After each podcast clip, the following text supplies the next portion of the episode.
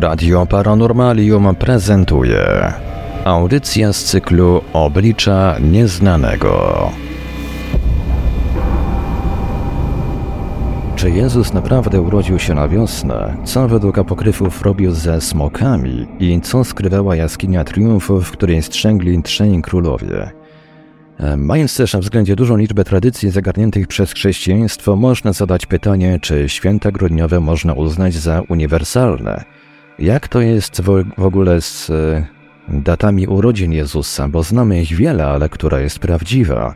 Czy to, co znamy pod nazwą Boże Narodzenie, stanowi taki przejaw tęsknoty za dawnymi pogańskimi zwyczajami?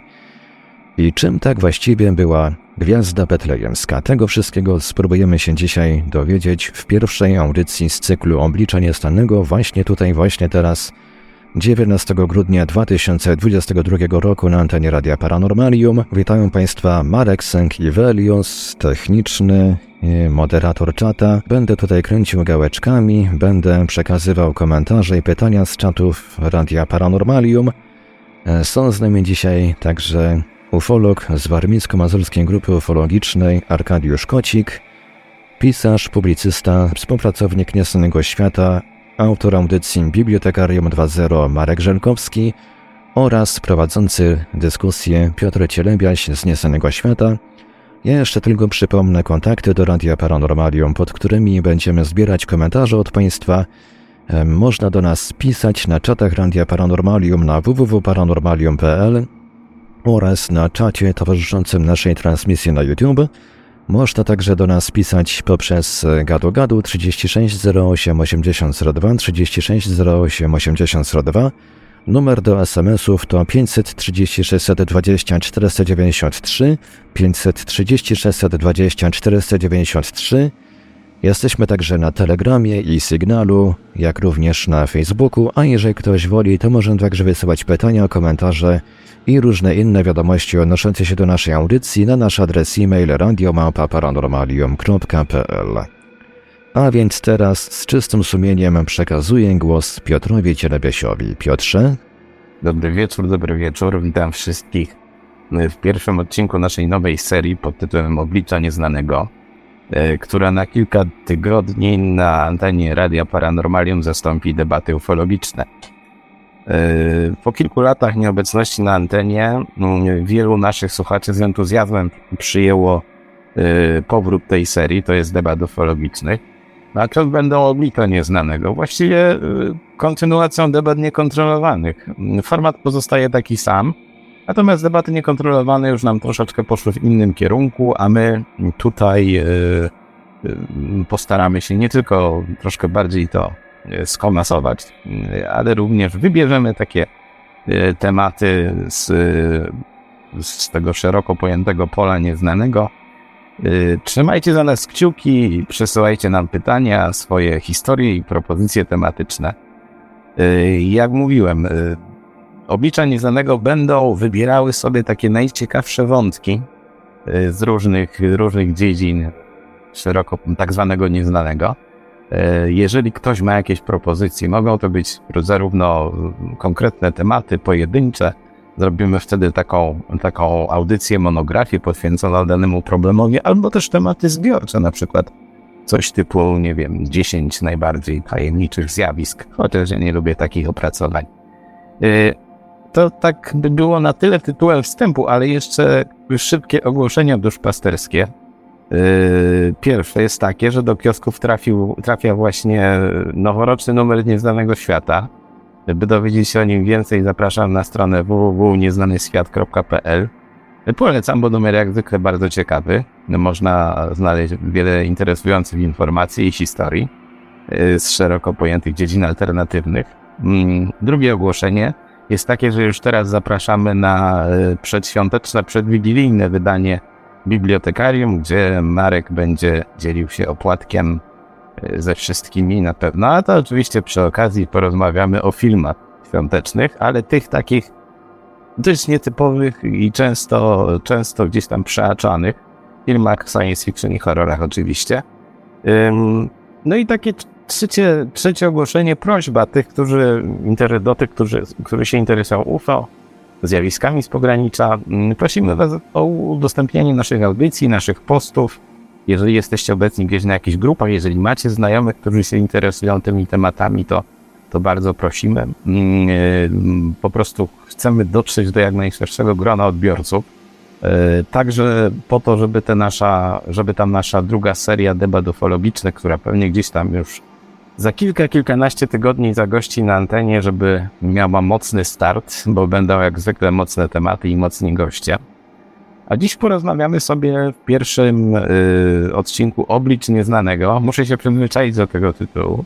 Porozmawiamy sobie o sekretach Bożego Narodzenia, ale też tak mm, nietypowo, jak to się mówi od zakrystii. Y, pomówimy o tych y, przemilczanych aspektach historycznych, które gdzieś giną na tle y, tradycji świątecznej, y, tej krzątaniny całej oraz tego blichtru, który towarzyszy świętom Bożego Narodzenia. Odpowiemy na pytania, które postawił Iwelios, czyli czy Jezus naprawdę urodził się zimą, a może urodził się w maju.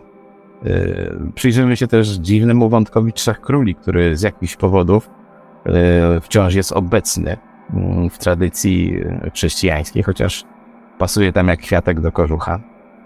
E, no i oczywiście zajrzymy do, y, do apokryfów, które rzucają na mm, sprawę narodzenia Jezusa ciekawe światło. Nie mówię, że, że wszystko, co tam jest zawarte, musimy traktować, y, musimy traktować y, w pełni serio, natomiast może być tak, że w niektórych apokryfach przetrwały fragmenty jakiejś tradycji, mm, która po prostu zaginęła.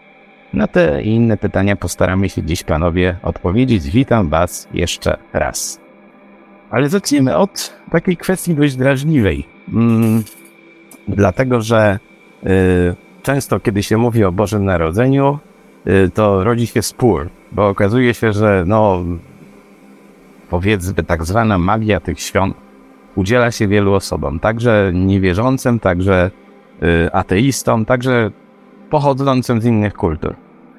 E, no i takie pytanie, czy, czy te osoby niewierzące i ateiści mogą to Boże Narodzenie obchodzić, bo zdaniem, zdaniem chrześcijan, zdaniem y, Kościoła, no nie, nie powinni tego robić.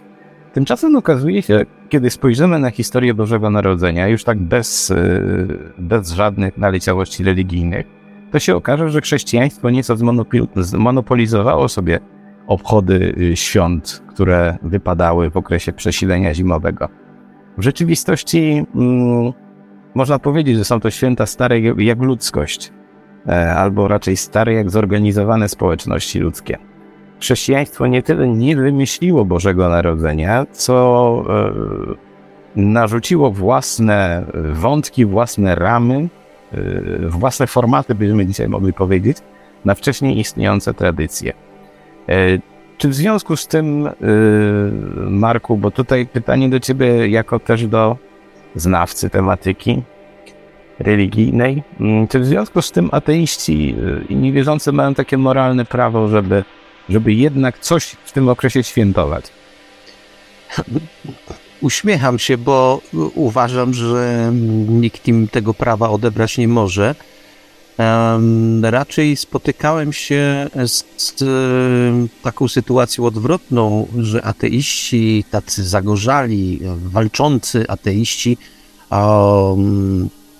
w sposób świadomy na przykład rezygnowali z symboli takich jak choinka czy innych, żeby zamanifestować, że oni świąt nie obchodzą i tak.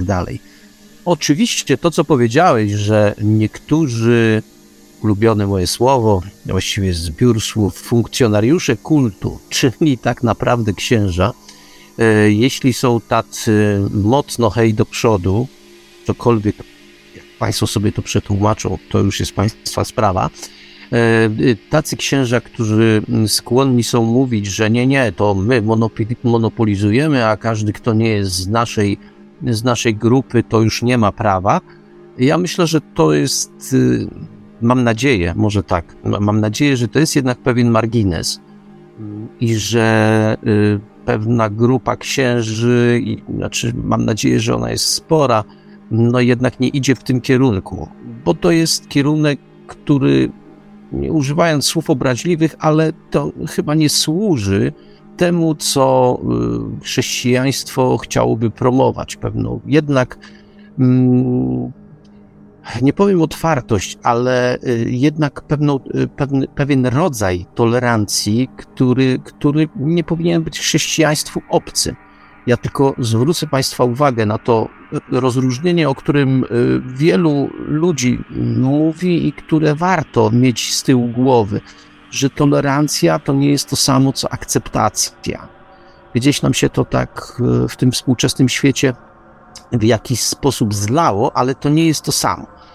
E, I, i jakby nie wchodząc, nie wchodząc w szczegóły, to, to, to myślę, że mm, chrześcijanie, którzy odmawialiby prawa do, do, do, do świętowania niechrześcijanom, to byliby ludzie, którzy zaprzeczaliby temu, co głoszą, bo wtedy chyba w to nie wierzą, skoro, skoro temu zaprzeczają. Ja myślę, że ten problem, mm, oczywiście realny, bo, bo ja też się z nim zetknąłem, ale to jest jednak problem wydumany przez niektórych, e, którzy widać nie mają jakichś innych problemów i postanowili, nie wiem, oczyszczać ludzkość i e, dzielić, od, oddzielać światło od ciemności, czyli chrześcijan od niechrześcijan i tym wolno, a tym nie wolno. Gdzieś tak na koniec sobie to zostawiłem, ale moim zdaniem taka postawa jest najzwyczajniej w świecie głupia po prostu. E, odpychająca i, i, i nie sprawiająca, ona nie sprawia, że, że, że idzie to przesłanie, które tak naprawdę w związku ze świętami powinno iść, które jest deklarowane, no bo to, to jest właśnie też pewien, pewien problem e, z chrześcijaństwem, że chrześcijaństwo bardzo często, właściwie na ogół, deklaruje rzeczy wzniosłe i wspaniałe, tylko i bardzo często ludzie lubią mówić, że no tak, tak, oczywiście deklarujemy te, te, te święte, wielkie rzeczy, no ale ludzie są wiadomo grzeszni, malutcy i w związku z tym no, nie zawsze wychodzi. Ten podział, te, to, znaczy to też tak nie funkcjonuje, bo się okazuje, że czasami ci wspomniani już funkcjonariusze kultu wręcz judzą albo podżegają do tego, żeby nie wykazywać tolerancji, nie wykazywać zrozumienia, i w ogóle nie, nie, nie, nie iść z, tym, z, takim, z takim nurtem, a jednak pewnego, pewnego, tym co się ze świętami kojarzy, pewnego złagodzenia, pewnego, pewnego, pe, pewnego takiego wyciszenia. I te, rzeczywiście te spory się pojawiają e, dotyczące tego, czy wolno, czy nie wolno, czy się godzi, czy nie godzi obchodzić. Przyznam się, przyznam się, że jak słyszę takie, takie spory, to się gdzieś w duchu głośno z tego śmieję bo ani to nie godzi się chrześcija, chrześcijanom w ten sposób, w ten sposób rozpatrywać świata. No i dobra, to tyle. Myślę, myślę że, że mm, i tak ważyłem, ważyłem słowa, żeby, żeby nie popłynąć. Dziękuję. Ja muszę przyznać, że wielokrotnie byłem świadkiem podobnych dyskusji, a nie tylko oczywiście w internecie, ale także wśród y, znajomych, dalszych, bliższych. No i padały bardzo różne argumenty, tak, że ktoś yy, na przykład yy, jest zwolennikiem tradycji, albo że świętuje to uniwersalne święto yy, przesilenia, które jest znane z, z, z czasów jeszcze prehistorycznych. Dlatego, że mm, najkrótszy dzień w roku, a potem to systematyczne odradzanie się słońca, coraz dłuższe dni, zaległy u podstaw wielu świąt tak naprawdę. Mnóstwo moglibyśmy dać przykładów E, I e, Marku, chciałeś coś dodać?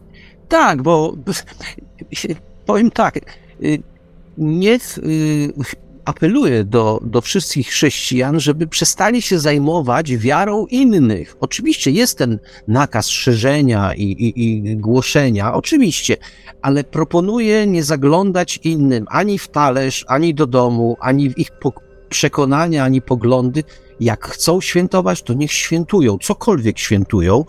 E, to jest taki czas, który nawet z założenia chrześcijańskiego powinien łączyć, a nie dzielić. I no, okazuje się, że e, my, jako gatunek, jako ludzkość, mamy tę upiorną zdolność do dzielenia się właściwie w każdej sprawie. Nawet w takiej, która moim zdaniem dzielenia po prostu nie wymaga. mm, ja to ciężko, ciężko znoszę, dlatego powiedziałem o tym ważeniu, ważeniu słów, bo jakbym się tak dobrze rozpuścił, to mogłoby być grubo. Dzięki. E, no, no tak. E, chyba każdy do nas się zetknął z czymś takim. No, są osoby, które mimo wszystko nie wierzą, a świętują. Ale mm, to wszystko ma troszkę głębsze podstawy, bo dzisiaj się okaże, że świadomość historyczna mm, na temat y, źródeł Bożego Narodzenia jest dość, dość mierna, że tak powiem. Y, to wszystko się gdzieś rozpłynęło. Kościół też dołożył swoją cegiełkę, żeby ludzie zapomnieli skąd się to wszystko bierze. No ale jak mówiłem, no, to odradzanie się słońca było świętowane przez wiele ludów, y, właściwie chyba przez wszystkie ludy północy. Y, mówiąc o Europie, oczywiście mamy, mamy tu najbliższe nam odpowiedniki, czyli święto godowe, Jule, y, no ale wiemy, że, że świętowali także dość hucznie ten dzień na przykład Persowie i inne ludy, moglibyśmy tutaj dać mnóstwo, mnóstwo przykładów. Ale to, jeżeli się przyjrzymy temu jeszcze, y, że tak powiem, głębiej, to oprócz tych odnośników astronomicznych, że no dobra, y, wreszcie wraca słońce, dni nie są już takie ciemne, że rozpoczyna się nowy cykl, także ten wegetacyjny, bo wiosna niedługo tam za parę miesięcy, ale to wszystko mm, na jeszcze głębszych poziomach, y, sięgających gdzieś tam, nie wiem, neolitu, wiązało się z, z takimi bardzo prostymi rzeczami, jak twierdzą niektórzy badacze że ten okres y, przed najcięższymi zimowymi miesiącami, czyli ten, ten styk jesieni i zimy, no to był czas, kiedy hodowcy zabijali część, zabijali część y, zwierząt, aby nie musieli ich karmić zimą, wyprawiano jakieś tam uczty, pojawiało się jedzenie, pojawiało się mięso. To już był też drugi powód do świętowania. Pewne rzeczy mogą być w nas tak głęboko zakorzenione, że mm, te wszystkie, te wszystkie przekonania, te wszystkie zwyczaje, y, y, powtarzane, mm, powtarzane przez każde pokolenie schematy doprowadziły do tego, że dzisiaj mamy właściwie święto i nie jesteśmy w stanie powiedzieć, z czego się ono bierze. Y, ono tak naprawdę korzeniami sięga, sięga mm, bardzo głęboko. To też było tak, że mając przed sobą te ciężkie zimowe miesiące, nasi dalecy przodkowie mogli w tym czasie upraszać Boga, duchy przodków, czy znaczy Boga, bo bożków, bogów swoich, czy też duchy przodków, o to, aby mm, było im dane jakoś tę zimę przetrwać i nie zaznać głodu na przednówku. Y, I to wszystko, jak mówię, komasowało się w pamięci pokoleń, doprowadzając do, do tego, że mamy właśnie takie uniwersalne grudniowe święto. Y, I myślę, że, że każdy może je sobie obchodzić, bo w okresie takiego, takiej większej świadomości, mm, przynajmniej w Polsce, bo mamy taki mały boom na na Słowiańszczyznę od paru lat. E, coraz więcej osób e, zna termin świętogodowe, na przykład, życzy szczodrych godów, e, równolegle z wesołych, z wesołych świąt. I to wszystko jest, jest fajne, bo pewna tożsamość została odzyskana po naprawdę wielu latach. Dlatego gdybym ja miał odpowiedzieć na pytanie, czy ateistom, czy ktokolwiek może sobie świętować jakieś tam uniwersalne święto i nie odpowiadać, co świętuje, to myślę, że ma do tego jakieś, jakieś prawo. E, Arku, a jak jest w Twoim przypadku? Czy zetknąłeś się z takimi, z takimi yy, ideologicznymi sporami na temat tego, czy komuś wolno, czy nie wolno? O tak, czasami się tak zdarza. W sumie chrześcijanie ma, mają bardzo mało takich fajnych, e, fajnych świąt. No, Boże Narodzenie jest takim fajnym świętem. Zbiera się rodzina przy suto zastawionym stole e, i tyle. A e, inne święta chrześcijańskie są raczej takie no, dosyć tragiczne. Też się owszem zbierają, ale już bardziej nad tym, że kogoś tam przybito do krzyża i, i jakaś tam śmierć i tak dalej. A to jest takie fajne, miłe obdarowywanie siebie prezentami też e, fajnie wychodzi z reguły. E, jest też choinka, no, tak fajnie ozdobiony dom, kolorowo i tak dalej. E, także to jest bardzo fajne święto. Nie widzę powodu, dla którego ateiści z jednej strony nie mieliby obchodzić tak fajnego święta jako no, spotkania rodzinnego. Tak jak powiedziałeś, e, wielu, wiele, wiele nacji to święto obchodziło między innymi dlatego, że e, miesiąc grudzień jest takim w sumie dobrym, dobrym miesiącem do przeglądu zwierząt, które się tam chce jeszcze dotuczyć i, i, i zabić i po prostu łatwo jest zamrozić, bo wystarczy pewnie wystawić gdzieś tam za okno i lodówki nie potrzeba. Łatwo jest też o pierwszy lód tam z, właśnie z jezior czy skądś, żeby w miarę długo to wszystko przechować. Także same za. E, z drugiej strony, e, nawet w innych krajach, gdzie e, tak akurat mi się zdarzyło swego czasu, gdzie postanowiono nie obchodzić praktycznie świąt, jeden dzień tylko był wolny. W następnym liczono, że do sklepów przyjdą muzułmanie, którzy nie będą mieli co robić, więc po prostu sobie przyjdą i co? I, no i przeliczono się, dlatego że muzułmanie też świętowali to święto. E, w każdym bądź razie nie, nie przechadzali się po sklepach, tylko pewnie siedzieli gdzieś tam po domach i podobnie jak chrześcijanie to też obchodzili. Z drugiej strony jest to e, fajna, fajny sposób na ewangelizację ze strony Kościoła katolickiego, no bo mówi, no popatrzcie, mamy takie fajne święto, jesteśmy fajni ludzie, E, i w ogóle bardzo rodzinni. Jest wszystko, wszystko fajnie. E, był jeden kraj taki kiedyś, nazywał się to Związek Socjalistycznych Republik Radzieckich, który e, no, niemalże zakazał obchodzenia tego święta. Zamiast święta właśnie tego wprowadzono obchody noworoczne pierwszego dnia nowego roku. E, no, jak to się skończyło, no, e, mamy w dalszym ciągu święto, a tego państwa już nie ma, więc e, raczej nie najlepiej dla niego. Po prostu ludzie potrzebują jakichś właśnie takich fajnych, fajnych, fajnego obchodzenia, fajnego czasu, kiedy niemalże ustawowo nie mogą się, albo przynajmniej nie powinni się kłócić z rodziną, wybacza się na ten czas wszystkie jakieś tam takie niecne zagrania wszystkich osób. Każdy jest dla, e, mniej lub bardziej e, miły dla wszystkich innych. No i taki, taki fajny czas jest po prostu. A z punktu widzenia ateisty, no też jest fajny czas. No, jest fajna wyżerka, bardzo dużo tego. E, no i nie trzeba za, gdzieś tam na 12 czy tam jakiejkolwiek, o jakiejkolwiek godzinie ubierać się i iść do kościoła. Można sobie spokojnie posiedzieć. No i z reguły bywało wcześniej tak, że akurat w czas mm, e, świąt, nawet późno, leciały bardzo fajne filmy w telewizji. Także święta jak najbardziej. Dzięki. Dzięki. O, z, z Bożym Narodzeniem to jest tak w ogóle bardzo ciekawe, jeżeli idzie o te importowane elementy, bo dzisiaj one są postrzegane jako coś zupełnie. Zaraz Ci Marku oddam głos. E, one są postrzegane jako coś, e, no, nieodłączny, nieodłączny element tradycji.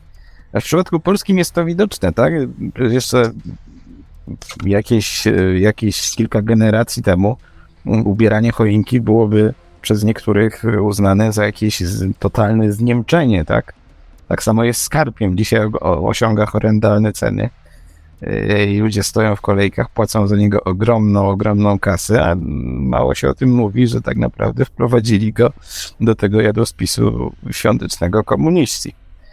E, o, ale takich elementów byśmy mogli jeszcze wymienić, szczególnie te wszystkie święte Mikołaje i tak dalej, i tak dalej, ale nim przejdziemy do pytania, jak to tak naprawdę było z tym Bożym Narodzeniem, to y, słucham Marku. No chciałbym jeszcze powiedzieć, że mm, my nie uwzględniamy jednej rzeczy, która aż się nasuwa, mm, bo jest, owszem, co prawda jest przeniesiona z Ameryki, ze Stanów Zjednoczonych, które te Stany Zjednoczone jedni kochają miłością bezgraniczną i bezrozumną, drudzy natomiast y, nienawidzą mniej więcej w takim samym stopniu. E, otóż w Stanach Zjednoczonych, y, które są w dalszym ciągu krajem mocno konserwatywnym, gdzie są, to są, no ale powiedzmy, że pójdziemy taką kalką, że są konserwatywne i mocno chrześcijańskie, e, to jednak zwrócono uwagę i to Jeśli spojrzycie Państwo na filmy, na, na różnego rodzaju opowieści stamtąd e, wywodzące się, to zwró- w Stanach Zjednoczonych oddzielono, oddzielono y, święto stricte religijne od pewnego takiego, takiej świeckiej tradycji, o którą się często określa duchem Bożego Narodzenia. To jeśli Państwo sobie przypomnicie filmy, a tu od razu oczywiście zaproszę na Bibliotekarium 2.0, gdzie z Piotrem o filmach, no może tam będzie tego ducha Bożego Narodzenia w filmach, które będziemy omawiać nieco mniej, ale jakieś nawiązania będą, więc w Stanach Zjednoczonych dosyć powszechne jest to takie przekonanie o duchu świąt Bożego Narodzenia i nie duchu rozumianym y, tak osobowo, tylko pewnej atmosferze, która towarzyszy, takiej jedności, że trzeba być razem, że trzeba się przełamać i na przykład wybaczyć komuś. Y, I to znowu nie ma, nie ma aspektu religijnego, tylko po prostu taki, taki zwykły, ludzki. Więc Amerykanie to dostrzegają y, i mogą być ludźmi niewierzącymi, a jednak ta magia, znowu może wrażę słowo, ale magia świąt Bożego Narodzenia, ona jednak działa. Działa w popkulturze, czyli w filmach, w opowieściach, ale działa też po prostu w życiu. To jest taki czas, gdzie ludzie rzeczywiście, tu cudzysłów oczywiście ogromny, jakby stają się lepsi. Może bardzo chcą być po prostu lepsi.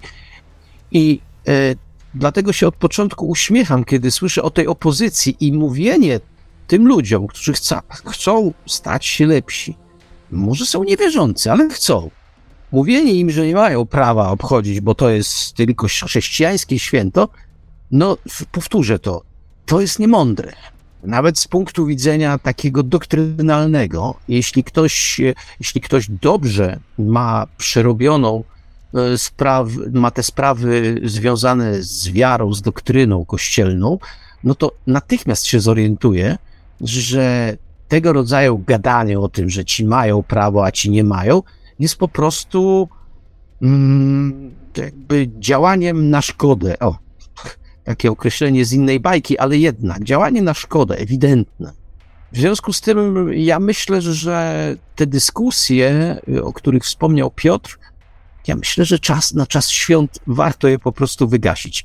Może dyskutujmy przez całą resztę roku, ale ten, to nawiązanie do tego ducha świąt Bożego Narodzenia, czy też Happy Holiday, niech to będzie, jak niektórzy bardzo chcą, bo to działa w dwie strony. Również, y, również niektórzy y, osobiści wrogowie Pana Boga skłonni są uważać, że e, zrobią wszystko, żeby te święta innym zepsuć to też nie ma sensu po prostu. Dlatego niech te święta pozostaną takim, i tu użyję świadomie tego określenia, fajnym czasem. Dla jednych to będzie czas święty, a dla drugich będzie to po prostu czas, w którym ludzie stają się jakby bardziej ludzcy. I to naprawdę nikomu nie powinno przeszkadzać. Dziękuję. Y, z tą świętością to jest różnie. Dlatego, że pomimo, że y, Boże Narodzenie no, jest takim świętem niższej kategorii, tak naprawdę, y, i tutaj nie, nie może być mowy, żeby je porównywać pod względem znaczenia liturgicznego, to nie wiem, czy jest taka kategoria jak znaczenie liturgiczne, ale powagi z Wielkanocą, która też ma bardzo dużo tajemniczych elementów, no to jednak wie, dla, dla wielu osób te, te święta grudniowe są ulubieńsze. No ale jak to było, panowie, z tą datą, datą narodzin Jezusa? Bo się okazuje, że gdzieś tak dopiero 350 y, lat po, po jego śmierci, yy, no zaczęto ten dzień obchodzić. Prawdopodobnie to nie było zbyt popularne wśród pierwszych chrześcijan. Yy, w basenie Morza Śródziemnego, rozproszonych, którzy nadal czuli na sobie jakiś tam oddech y, tej, tej antycznej tradycji. I takie kluczowe pytanie do dzisiejszego odcinka. Czy Boże Narodzenie mm, nie zostało na pewnym etapie wymyślone po to, aby zaspokoić tęsknotę za pogańskimi świętami, albo żeby po prostu mm, pozbyć się tego, e, tego programu kulturowego, antycznego, który był tak głęboko wgrany w ludzkie umysły, że postanowiono z tym nie walczyć. tylko pozwolono istnieć. Tak samo zresztą było chociażby w przypadku 1 mm, listopada czy, czy świąt zadusznych w Polsce, albo takiego święta jak Zielone Świątki. W pewnych momentach Kościół nie walczył, w pewnych momentach pozwalał zbratać się dwóm tradycjom. Ale o czym tutaj mm, mówię konkretnie? I co chciałbym jeszcze podkreślić przede wszystkim e, odnośnie dalszej części naszej audycji. Otóż e, my dzisiaj nie mamy zamiaru dowodzić, czy, czy Jezus istniał naprawdę i ta kwestia jego historyczności to jest coś, co każdy musi sobie z Was rozważyć na podstawie różnej, różnych źródeł i materiałów. Nie chcemy również wchodzić w, w jakieś tam dyskusje dogmatyczne, ale jest jedna rzecz, którą należy zrozumieć. Jest to synkretyzm, czyli e, nieustanne w historii religii przenikanie się wątków e, i źródeł, idei i koncepcji. E, sprawia to ten synkretyzm, że żadna religia i żadna mitologia nie jest czysta w swojej formie. My możemy o niej przeczytać w książce, natomiast żadna religia, żadna mitologia, żadne wierzenia nie mają formy stałej. One są ruchome, zawsze są ruchome, dlatego że zmieniają się ludzie, zmieniają się wyobrażenia, zmieniają się pokolenia. E, zawsze istnieje jakiś nawis w postaci tradycji, e, naleciałości tak. Tak Jeżeli sobie ktoś nie zda z tego sprawy, to nie zrozumie naszego dzisiejszego odcinka. E, no takim najlepszym przykładem oprócz tych, tych zielonych świątek jest, sięgającym znacznie dalej, jest opowieść o Noem, która została inkorporowana do Starego Testamentu przecież ze źródeł y, babilońskich, y, a jest obecna w kulturze wielu y, ludów z różnych rejonów świata, takich, które, się nigdy nie zetknęły ze sobą, co też jest ciekawe. Mm, jak powiedziałem, pierwsza wzmianka o świętowaniu narodzin Jezusa 25 grudnia pochodzi z rzymskiego kalendarza zwanego chronografią roku 354. Oznacza to więc, że jakieś 3,5 wieku od narodzin Chrystusa w okresie, kiedy ta religia prze, przechodziła bardzo burzliwy okres, no nie pojawiła się żadna inna data. Zapisałaby się przecież w tradycji któregoś z kościołów, czy w ogóle byłaby pamiętana. Fakt, że narodziny Jezusa przypadają w tym samym momencie, kiedy inne pogańskie święta, na przykład Saturnalia, czy, czy, czy święto Słońca Niezwyciężonego, czy wreszcie te E, te, te obchody związane z przesileniem zimowym, mm, może świadczyć o dwóch rzeczach. Być może pierwsi chrześcijanie w ogóle nie wiedzieli, kiedy się urodził Jezus, albo nie przywiązywali do tego wagi. Możliwe też, że e, ci, którzy budowali fundamenty Kościoła i tworzyli pod, podstawy, podwaliny chrystianizmu, e, mogli w umyślny sposób, jak powiedziałem na samym początku, tej mojej, tej mojej części wypowiedzi ustalić, że Boże Narodzenie będzie w tym samym okresie co święta pogańskie, dlatego że my pewnych yy, zwyczajów, wierzeń z ludzi nie wyprzemy. Postanowiono nie walczyć z poganizmem, postanowiono ubrać go w nowe szaty. Yy, dlatego, że w, w, w świecie grecko-rzyńskim, gdzie przenikały się naprawdę bardzo różne koncepcje, bo to trzeba sobie, sobie prześledzić, w którym momencie jaka religia była na topie, bo czasami w, w, w, na terenach opanowanych przez Rzym było tak, że y, pojawiały się inne religie, na przykład jakieś wschodnie, typu, no, typu, typu, typu, o, zapomniałem na chwilę obecną, coś mi wypadło z głowy, Holender. I one zyskiwały na przykład zwolenników wśród legionistów.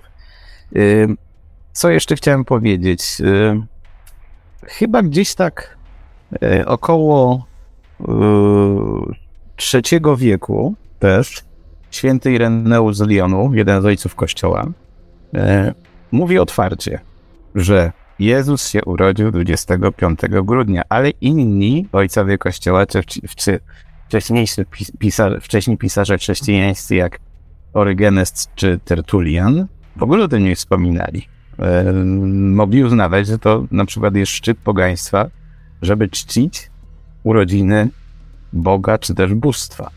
To już jest bardzo niejasne.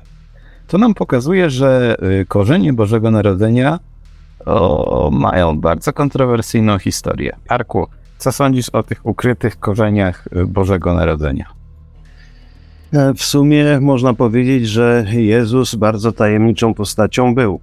Dlatego, że tak naprawdę nawet nie wiemy, w którym roku się urodził.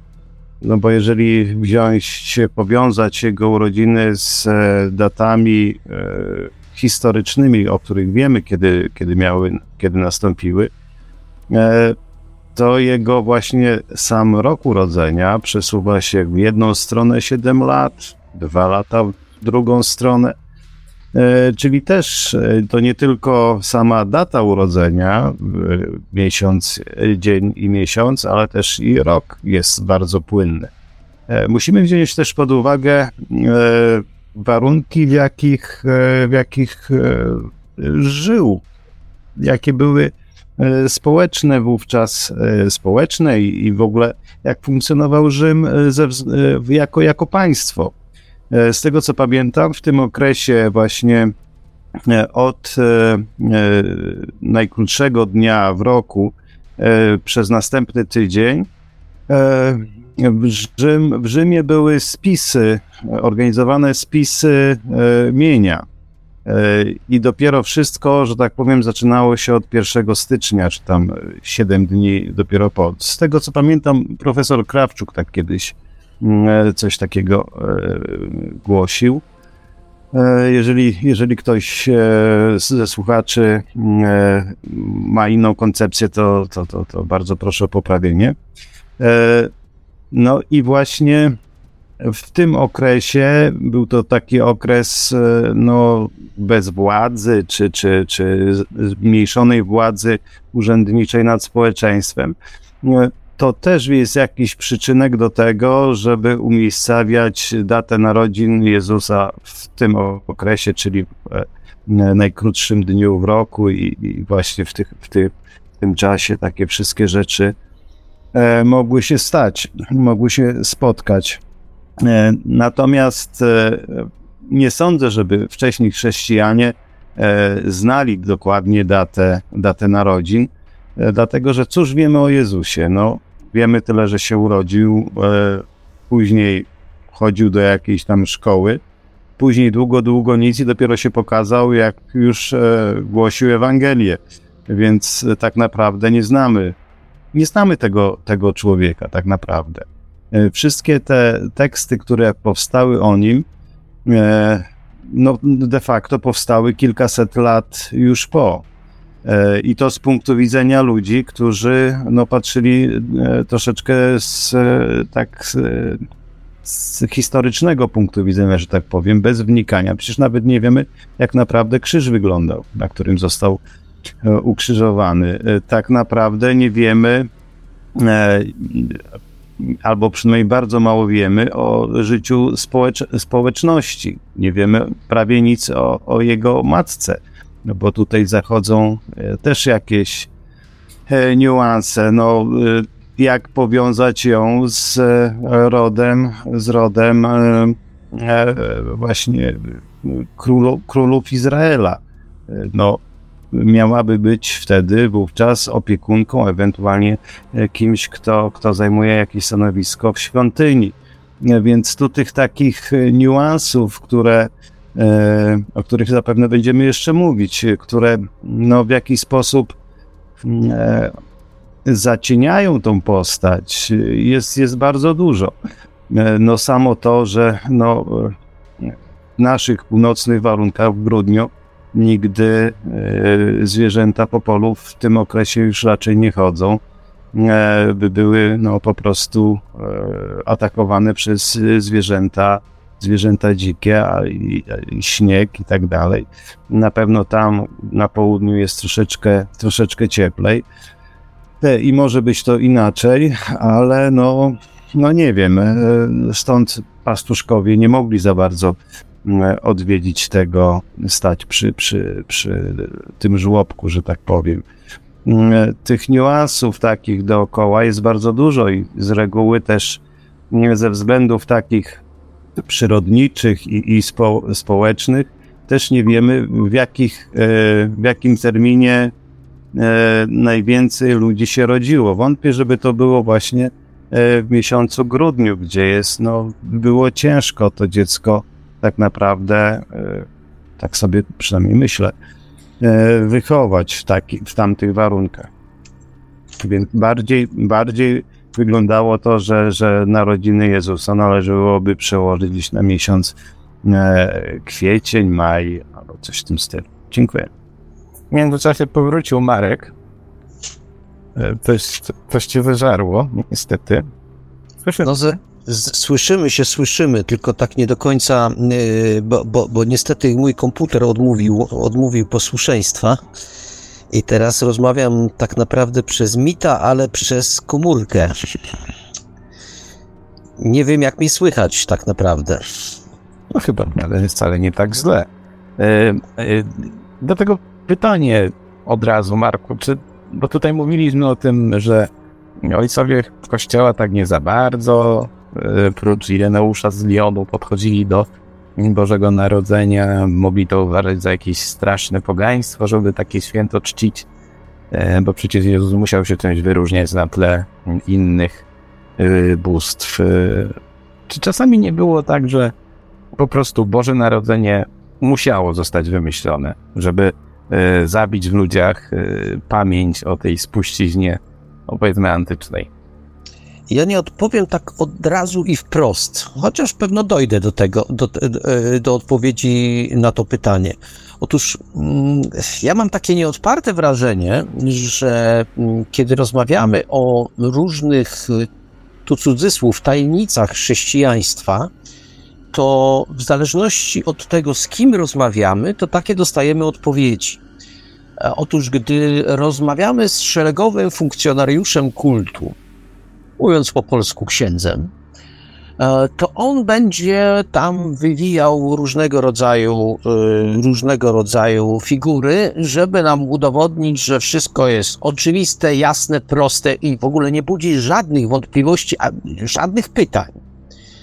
Natomiast jak się zaczyna rozmawiać z ludźmi, którzy też są e, przedstawicielami Kościoła, ale zajmują się biblistyką, zajmują się wykopaliskami archeologicznymi, gdzieś są bardzo blisko tego wszystkiego, co się wydarzało, wydarzyło, co miało miejsce, to nagle usłyszymy, że owszem, no grudzień, no trzeba było coś, i nie zmyślam w tej chwili, Mm, trzeba było coś ustanowić. E, tak naprawdę księża o tym doskonale wiedzą, tylko to nie jest wiedza z, z, z dzikich powodów, właściwie nie, nieznanych mi, to, nie upowszechniana. Być może dlatego, żeby lud się nie, roz, nie rozpierzchł i nie zaczął roz, wy, wy, śmieje się, no obchodzić, obchodzić świąt Bożego Narodzenia w różnych terminach. Nie, to bzdura jest po prostu. Natomiast y, ci księża, o których wspomniałem, którzy zajmują się takimi szczegółowymi badaniami, no oni to mówią wprost, że trzeba było wybrać jakąś datę, że to jest data symboliczna, że ona ma w jakiś sposób cementować, ma, ma jednoczyć ludzi i może najmniej, no to złe, to już najmniej, ale tak, to jednak to powiem, najmniej istotne, kiedy to się wydarzyło, ale ważne, że się wydarzyło i że wyznaczyliśmy pewną datę i obchodzimy tę datę. Czy, czy ona odpowiada temu, co miało miejsce tak w sposób historyczny? Nie, po prostu nie. I oni odpowiadają, być może no, przez przypadek, ale tak naprawdę to nie jest odwołanie do konkretnych, do konkretnych wydarzeń, do, do, konkretnych, y, do konkretnej rocznicy, czy do, konkretnej, do konkretnego miesiąca, raczej do pewnej idei, do pewnych, do pewnych wydarzeń następujących po sobie, do tego, do istoty tego, co się, do istoty tego, co się zdarzyło. I powiedzmy, jeśli tak zaczynamy rozmawiać, to jest zupełnie inne pole do rozmowy. Tylko okazuje się, że mm, no, może tak musi być. Być może ja jestem naiwny, y, zdarza się, a nawet jestem coraz bardziej przekonany, że im jestem starszy, tym jestem bardziej naiwny, bo wydawać by się mogło, że to nie jest jakaś wielka tajemnica, że raczej należałoby z tym ludzi oswoić po prostu, że na przykład może nie znamy daty urodzin takiej postaci, jaką był Chrystus, ale no to wyznaczmy jakąś datę i ją po prostu obchodźmy. Albo też i tak dalej, i tak dalej. Ja nie chcę wchodzić w tej chwili w te, w te dywagacje, natomiast chodzi mi o pewien sposób myślenia o tym wszystkim. Otóż y, mnie bardzo dziwi, że instytucja, jaką jest Kościół, czy też kościoły, bo mamy do czynienia z kościołami chrześcijańskimi, propagują taki dualizm, przynajmniej dualizm, że jest wiedza y, dla tych, powiedzmy, wykształconych, bardziej dopuszczonych, takich, którzy sobie wymyślą, że, czy nie wymyślą, którzy, którzy mm, gotowi są na przyjęcie takich prawd, i jest wiara dla ludzi maluczkich. Ja myślę, że we współczesnym świecie to jest jednak nie do końca, nie do końca racjonalne i nie do końca odpowiada duchowi czasu. Że ten podział na wtajemniczonych, niewtajemniczonych, tych, którzy mogą wiedzieć, że to jednak może nie w grudniu i może niekoniecznie 24, a ta Wigilia, to, wszystko jest umowne, no, jedni mogą to wiedzieć i, i, i, i raczej ekscytować się pewną symboliką, a drudzy nie. Drudzy muszą w święcie wierzyć, że świetnie to i to ja, może to jest odskok, który, który, którego nasi słuchacze mi nie darują, a może jednak darują, ale przypomnijcie sobie Państwo jeden z odcinków, e, e, jeden z odcinków popularnego serialu Rancho. Kiedy jeden z księży wychodzi i pyta o Matkę Boską. I, i, i rzeczy, których się dowiaduje od ludzi, to oczywiście też jest takie, takie komediowe przegięcie, które się w tym serialu zdarza, ale to, że na przykład wiadomo, że Matka Boska była Polką, no bo Matka Boska Częstochowska, to wiadomo, że, że, że Polką była. I te, te, te rzeczy, których tam się ten ksiądz dowiaduje od, od mieszkańców e, Wilkowej, świadczą o tym, że ludzie specjalnie nie wgłębiają się w te rzeczy. Pytanie, czy dlaczego się nie wgłębiają? Czy tylko dlatego, że ich to kompletnie nie interesuje, czy też może gdzieś od dzieciństwa są karmieni takim oto przekonaniem. To nie są sprawy do dyskusji, to tak jest i koniec. I w ogóle nie będziemy na ten temat dyskutować. Mm, ja myślę, że ta obrona, ta, takie, takie zapieranie się, mówienie, że nie, nie, o pewnych sprawach nie należy dyskutować, nie jest y, dobre dla samego chrześcijaństwa. I ja myślę, że część znowu z tych funkcjonariuszy kultu doskonale to wie. Bo zobaczcie Państwo, co się w tej chwili dzieje. Kościół, który stoi na stanowisku, ta część kościoła, która stoi na stanowisku, że e, o pewnych sprawach nie będziemy dyskutować, bo my wiemy, my wszystko wiemy, mm, no, powoduje, że ludzie młodzi y, mają, powiem tak, tak delikatnie, żeby, żeby bardzo ambiwalentny stosunek do instytucji, jaką jest Kościół. Nie zawsze do wiary jako takiej, ale do Kościoła zdecydowanie ten stosunek jest ambiwalentny i to sam Kościół sobie tak naprawdę zgotował ten los. Pewną swoją pychą, pewnym swoim takim wywyższaniem się i twierdzeniem, że wie lepiej. Ja przepraszam za tą Filipikę taką, taką, taką odnośnie tego, co się dzieje, ale ja w tym właśnie upatruję, w pewnej postawie mm, niektórych księży, niektórych właśnie przedstawicieli Kościoła, upatruję tego, że zaczynają się pojawiać problemy, dyskutujemy o sprawach, które dla wielu, sam, dla wielu księży nie są dyskusyjne. Yy, ludzie, tak jak powiedziałem na początku, którzy się tym zajmują dogłębnie, wchodzą bardzo głęboko w te sprawy, mm, pewne rzeczy po prostu nie są dyskusyjne. I nie dlatego, że są mniej wierzący, tylko dlatego, że czegoś tam dotknęli naprawdę. To chyba tyle. No tak, ja myślę, że tutaj problem leży w tym, że y, to jest takie przeskakiwanie z nóżki na nóżkę, bo y, z jednej strony no, mówimy wiernym, że istnieje jakaś głęboka tajemnica, jakieś misterium, no ale z drugiej strony musielibyśmy im powiedzieć, że tak naprawdę nawet nie wiemy, czy my to w dobrym momencie obchodzimy. Y, I to jest brak po prostu historycznych pewników co do istnienia Jezusa jest przyczyną tak wielu problemów, że głowa mała, tylko że minęło 2000 lat i one zostały obrócone w tradycję. Jeżeli się przyjrzymy e, kolejnej, kolejnemu dziwnemu aspektowi, czyli brak ciała Jezusa, to jest w ogóle e, temat tabu, tak naprawdę. Gdzie ono się podziało? Nikt nie wie. istnieją pewne wskazówki, co się mogło wydarzyć. I te wskazówki istnieją w, Ewangeliach. Może zaginął po, po prostu w czasie trzęsienia ziemi, które jest opisane e, w, w Piśmie Świętym w Nowym Testamencie.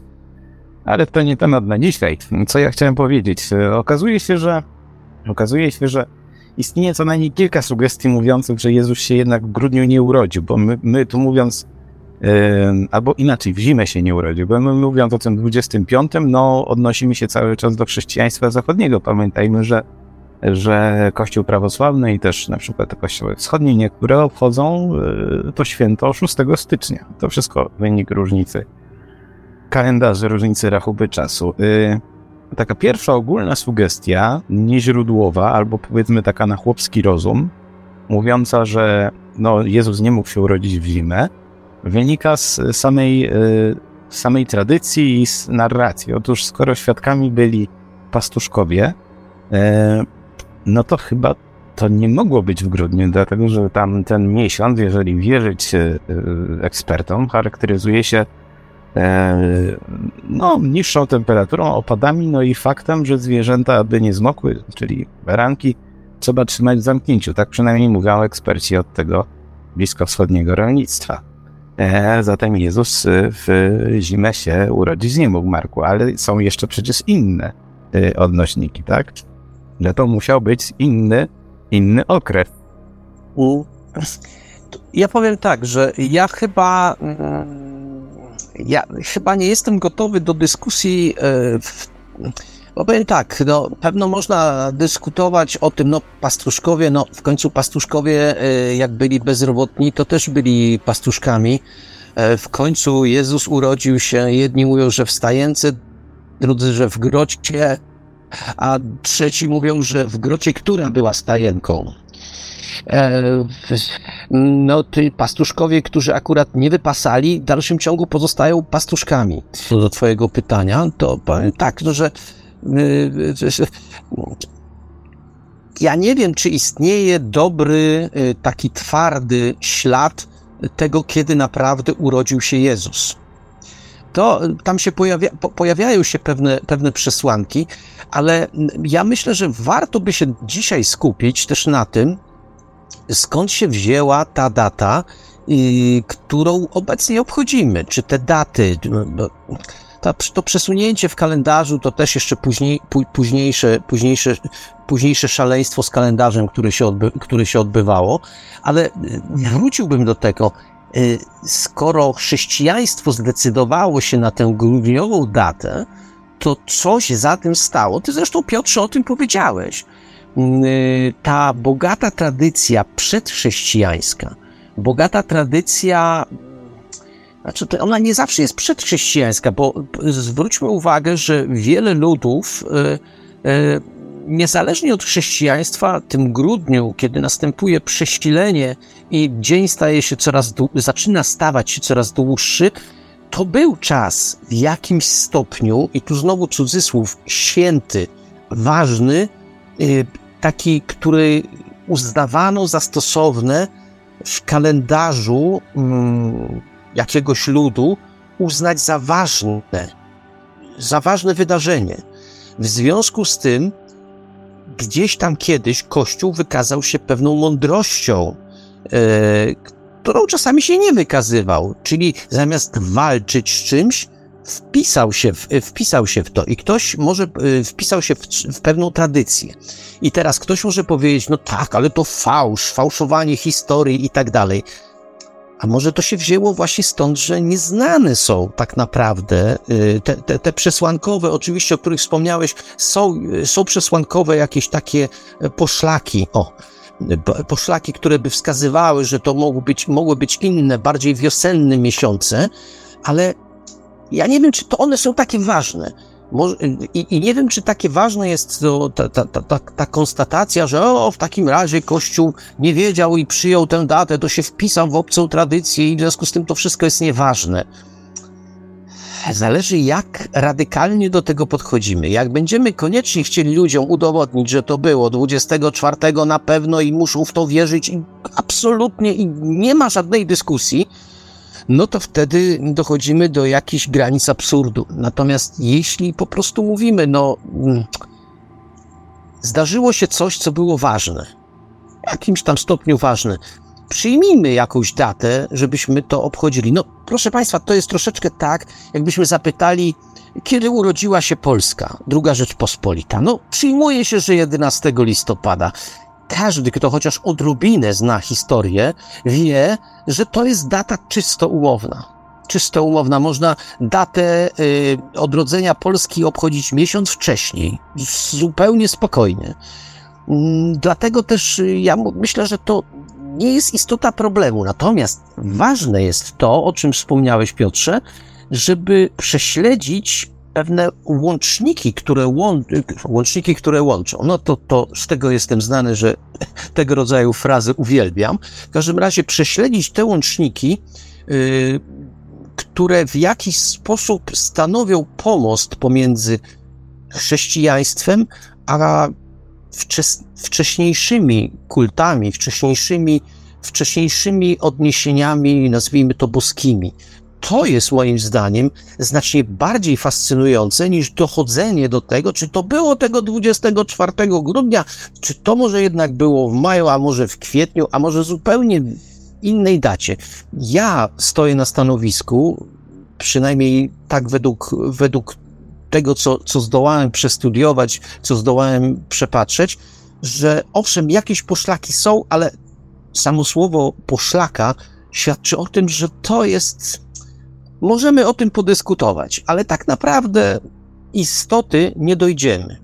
Moim zdaniem, szansa na to, że dowiemy się daty dzien... jaka była data dzienna urodzin y, Chrystusa, no, no jest raczej marna, marna szansa na to po prostu. Mhm.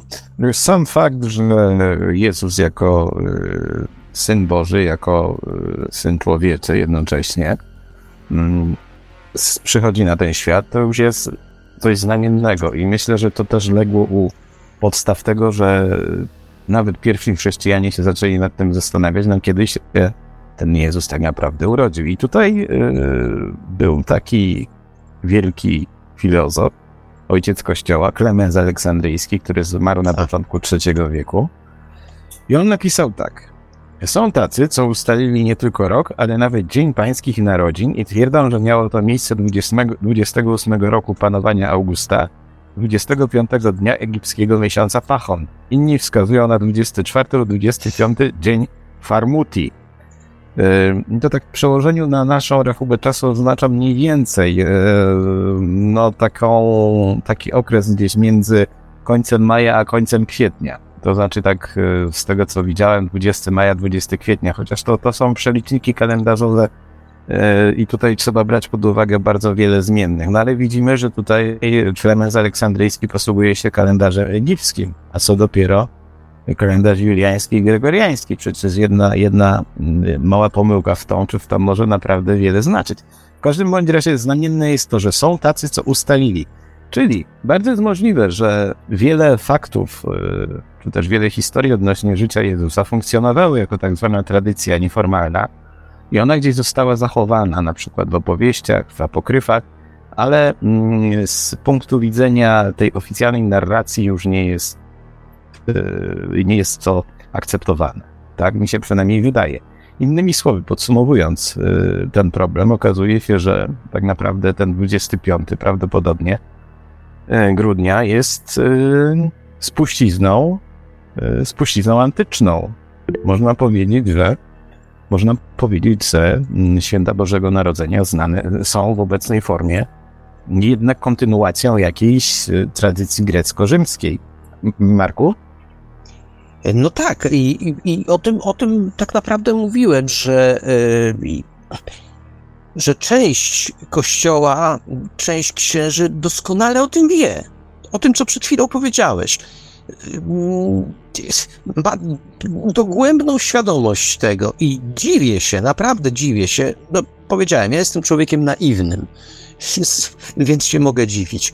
Dziwię się, że to nie jest wiedza, która jest upowszechniana, tylko z jakimś takim tępym uporem wbija się to przekonanie. To być może jest to przekonanie, że ludzie są może zbyt głupi, żeby przyjęli taką, taką roz, e, e, datę, która nie jest, nie jest ostra, tylko jest w jakiś sposób rozmazana. Może wtedy, może wtedy, to może oni wierzyć wtedy przestaną. Ja myślę, że ten brak zaufania do inteligencji ludzi, do pewnego ich myślenia jest pewnym takim, pewną słabością, którą Kościół wykazuje, wykazywał, nie, nie chcę wchodzić w tę dyskusję. W każdym razie ewidentnie wykazuje w tej chwili. Y, świat się zmienił. Świat, y, ludzie w tej chwili mają dostęp naprawdę do y, czasami bardzo, kiedyś to była unikalna wiedza, dzisiaj ta wiedza, ja pomijam fejki, pomijam różnego rodzaju wiedzę, która tylko pozornie jest prawdziwa, ale do wiedzy mm, rozmaitej, w tym biblijnej, bardzo Inaczej, inaczej, cały czas to podkreślam, jakbyście Państwo sięgnęli po podręczniki takie naprawdę mm, spełniające normy naukowe, ale będące podręcznikami obejmującymi biblistykę, czy jakieś, no powiedzmy, wykop, wykopaliska archeologiczne, yy, yy, też prowadzone przez Kościół, to nagle byście się bardzo zdziwili, bo yy, to, co tam jest pisane, naprawdę yy, tylko pewnymi akcentami różniłoby się od tego, co, o czym my w tej chwili rozmawiamy. I to jest dla mnie rzecz, która, która jest w jakiś sposób niepojęta, ale już powiedziałem, ja naiwny jestem. No mnie się wydaje, że to jest po prostu zbyt trudne, bo byśmy musieli założyć, że wszyscy pojmują jednakowo. E, ale tak na typowy chłopski rozum, jeżeli ksiądz by to wszystko zaczął tak dobitnie wytłumaczyć, to to ziarno y, zwątpienia pojawiłoby się w wielu, wielu sercach. E, tak naprawdę. Okazuje się, że ten Jezus y, codzienny, domowy, y, kościelny jest bardzo odległy od tego historycznego. I, i tak naprawdę czasami wystarczy tylko uważna lektura Biblii, przepraszam, Nowego Testamentu, z delikatnym komentarzem eksperta, żeby zobaczyć, jak bardzo niektóre niuanse są zawoalowane w, w piśmie i że trzeba zwracać uwagę czasami na słówka, żeby zobaczyć, co chciano nam powiedzieć. I, i tak y, może być, no nie tylko w przypadku Bożego Narodzenia. Ale Arku, co byś, co byś tu dodał do, tej, do tych naszych sporów? To żaden spór, po prostu. E, to tak jak Marek mówił, e, tak się podbija tereny nowe. No, to znaczy, E, w miejscu starych, e, starych e, świątyń pogańskich stawia się kościoły, klasztory. W miejsce obchodzonych, w czasie obchodzonych wcześniej pogańskich, pogańskich jakichś świąt wprowadza się swoje własne i ludzie przychodzą. Mamy na to jeden taki przykład. Bardzo dobrym przykładem jest, są Słowianie i tutaj my Polacy ale też mamy troszeczkę bliższy przykład e, z Ameryki, z podboju Ameryki Środkowej i Południowej. E, tam też e, na, na, szczytach, na szczytach gór zaczęto instalować, budować kościoły. Co prawda, czasami się okazało, że te kościoły akurat wybudowano na szczycie piramidy, o, której, o, o, o których, nie, których nie dostrzeżono, no ale mniejsza o to. No i zastępowano dni, właśnie sposób obchodzenia świąt e, święt, świętami chrześcijańskimi. To, I to fak, faktycznie wspaniale zadziałało. W Ameryce Południowej był tam kult oddawania krwi przez, e, przez e, wodzów. No i tutaj bardzo fajnie się wpasował Jezus z tym wszystkim, także no, to, to, to tak zadziałało i tak działa. Y, taka po prostu podmianka i tutaj e, zapewne w całym, w całej Europie, nie tylko w Europie, ten kult odradzającego się słońca e, był bardzo powszechny. No i tutaj trzeba było po prostu wstawić kult narodzin e, Boga. I, i, i bardzo fajnie to za, zatrybiło, zaskoczyło.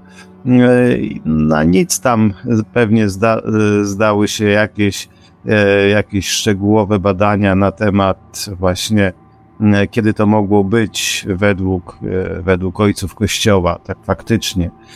e, po prostu to było bardzo wygodne i, i bardzo dobre. I tak jak Ma, Marek przez cały czas mówi o tym, że no nieważne kiedy, ważne, że w ogóle, a że się akurat łączy to z, ze świętami e, narodzin Słońca w wierze, wiarach e, pogańskich, e, no, to, no to tylko fajnie, no tylko e, przyklasnąć. No, no trochę szkoda, że tutaj nie mamy akurat e, dyskutanta e, Leszka Owsianego, Ostoi Owsianego. E, na pewno by na ten temat mógł troszeczkę więcej powiedzieć, na temat kultów wczesnych Słowian. I byśmy to bardzo wtedy mieli ładne powiązanie. No ale podejrzewam, że każdy z nas odczuwa, odczuwa właśnie taką więź i właśnie to, e, że to jest właśnie ten tajemniczy czas, kiedy nadchodzi coś nowego e, wraz z wydłużającym się dniem, e, jakiś dostaje się werwę energii. No i to jest akurat najlepszy czas na to, żeby się urodził Bóg człowiek. Dziękuję. Mhm. Marko, zanim ci oddam głos, to jeszcze taka refleksja mnie naszła, że mm, w ogóle chrześcijaństwo nie ma szacunku do, do swoich poprzedników. E, może prócz proroków starotestamentowych i tak dalej, ale jeżeli chodzi o te wielkie cywilizacje, pomiędzy które było wciśnięte, to nie, nie, to wszystko jest złe i to jest określane takim magicznym terminem pogaństwo. Tak? Naukowcy używają terminu na przykład, no nie wiem, e, kultury przedchrześcijańskie, albo na przykład cywilizacja egipska, albo religia egipska. Natomiast tu mamy wszystko wrzucone pogaństwo, to się nie liczy. W ogóle o tym nie myślcie, bo jak zaczniecie tam drążyć, to nie daj Boże znajdziecie jakieś takie elementy, które no, no mogą was zdziwić. E, I wydaje mi się, że to też jest jeden z tych elementów y, tłumaczący, y, dlaczego pogaństwo jest nazywane pogaństwem, bo gdyby taki szarak wierzący zaczął sobie mm, studiować to pogaństwo, zgłębiać je, robić jakieś analizy porównawcze, no to by mógł się zszokować. Tak.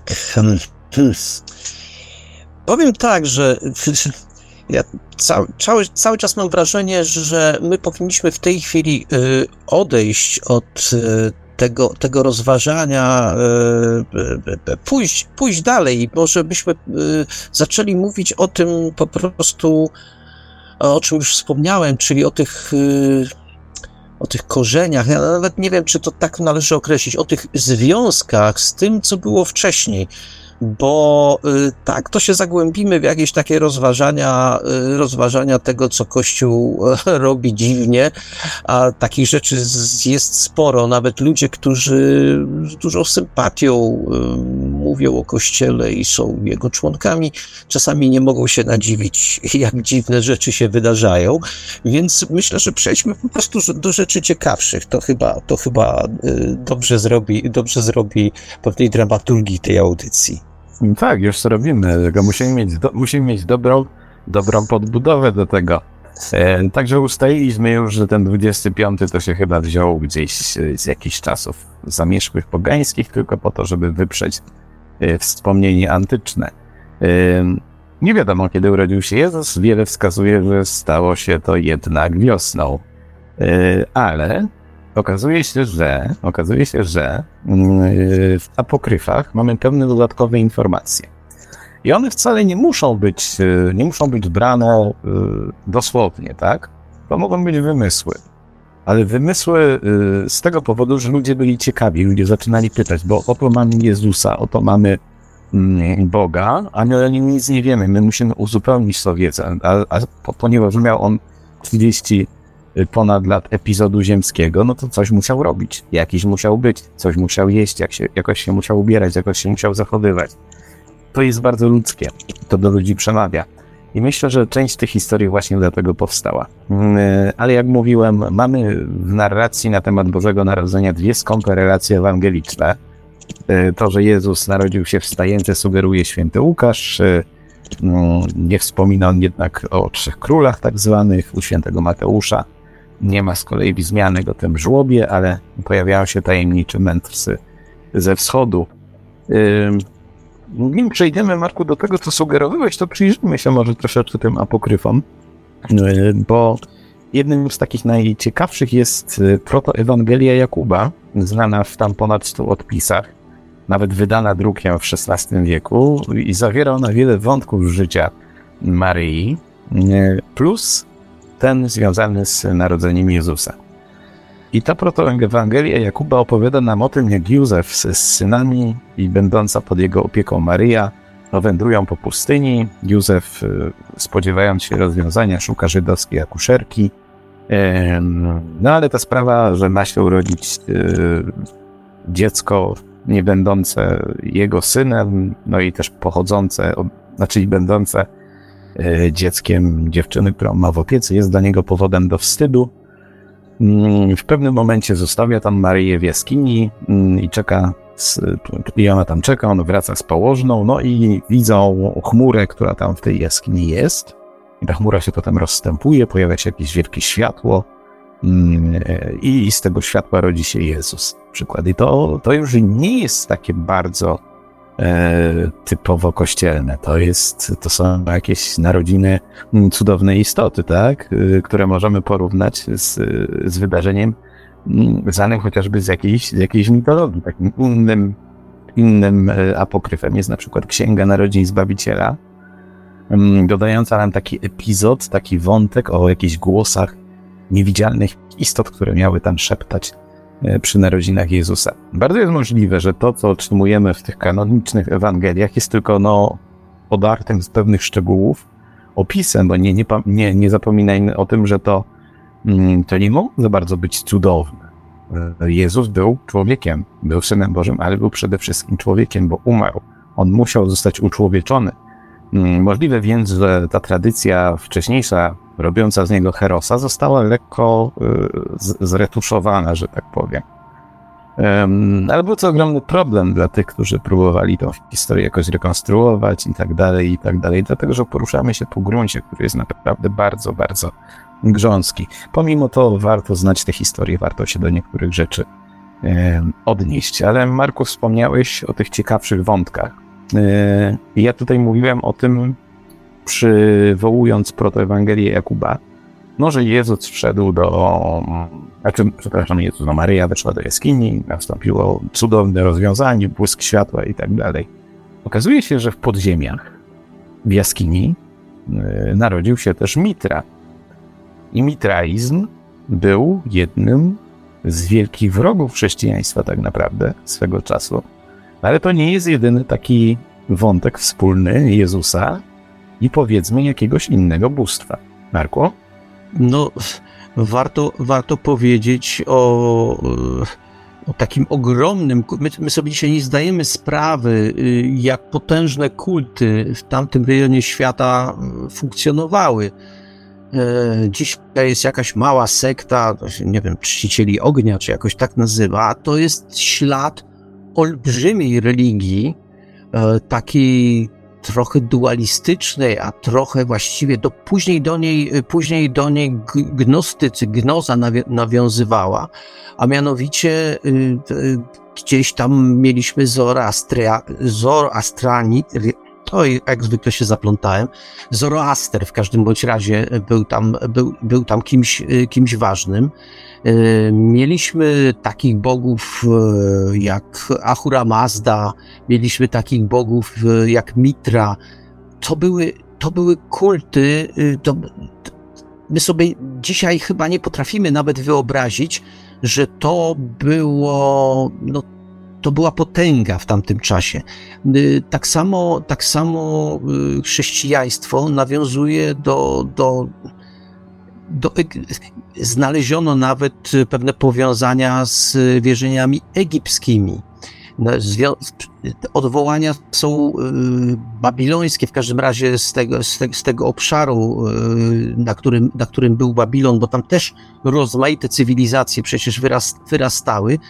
I y, jeśli to się wszystko zbierze, to nagle się okazuje, że no, waham się powiedzieć nic, ale bardzo mało jest w, w, tych opowieściach, którymi posługuje się chrześcijaństwo, rzeczy naprawdę nowych. I czasami można by się zacząć zastanawiać, czy to, to zatuszowanie, nie, to złe słowo, to, że nie wiemy dzisiaj o takich, takich religiach jak zoroastrianizm, jak te, które wymieniłem, to, to, to jest, czy to nie jest świadome działanie po prostu, e, żeby pewne rzeczy nie wypłynęły.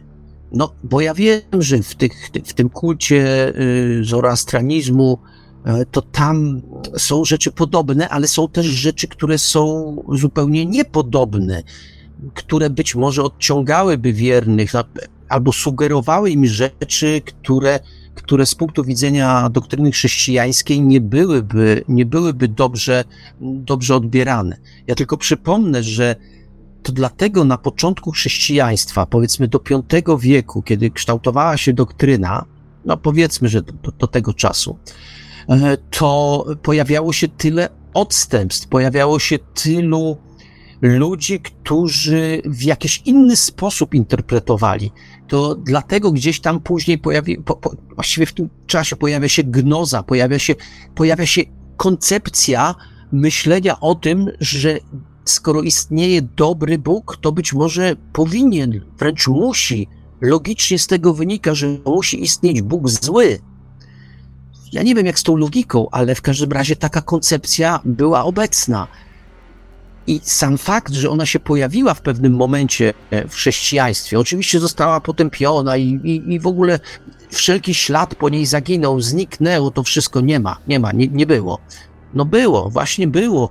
I, i, i tamte, tam w tamtych czasach sięgano jeszcze, być może dlatego, dlatego tak zadbano, żeby pamięć o tych, o tych wszystkich wydarzeniach, wydarzeniach, o tych wszystkich kultach zaniknęła, ponieważ do nich się próbowano odwoływać wprost. Próbowano się wprost do tego odwoływać.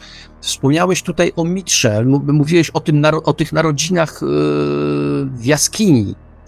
Ale to jest takie, na takim bardzo prostym poziomie, czyli takie odwołanie. Ten w jaskini, ten w jaskini.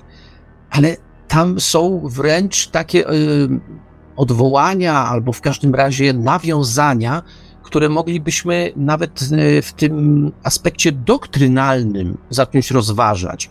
E, ja tylko znowu przypomnę, że Kościół przez te pierwsze wieki dopiero kształtował to, co nazywamy dzisiaj doktryną.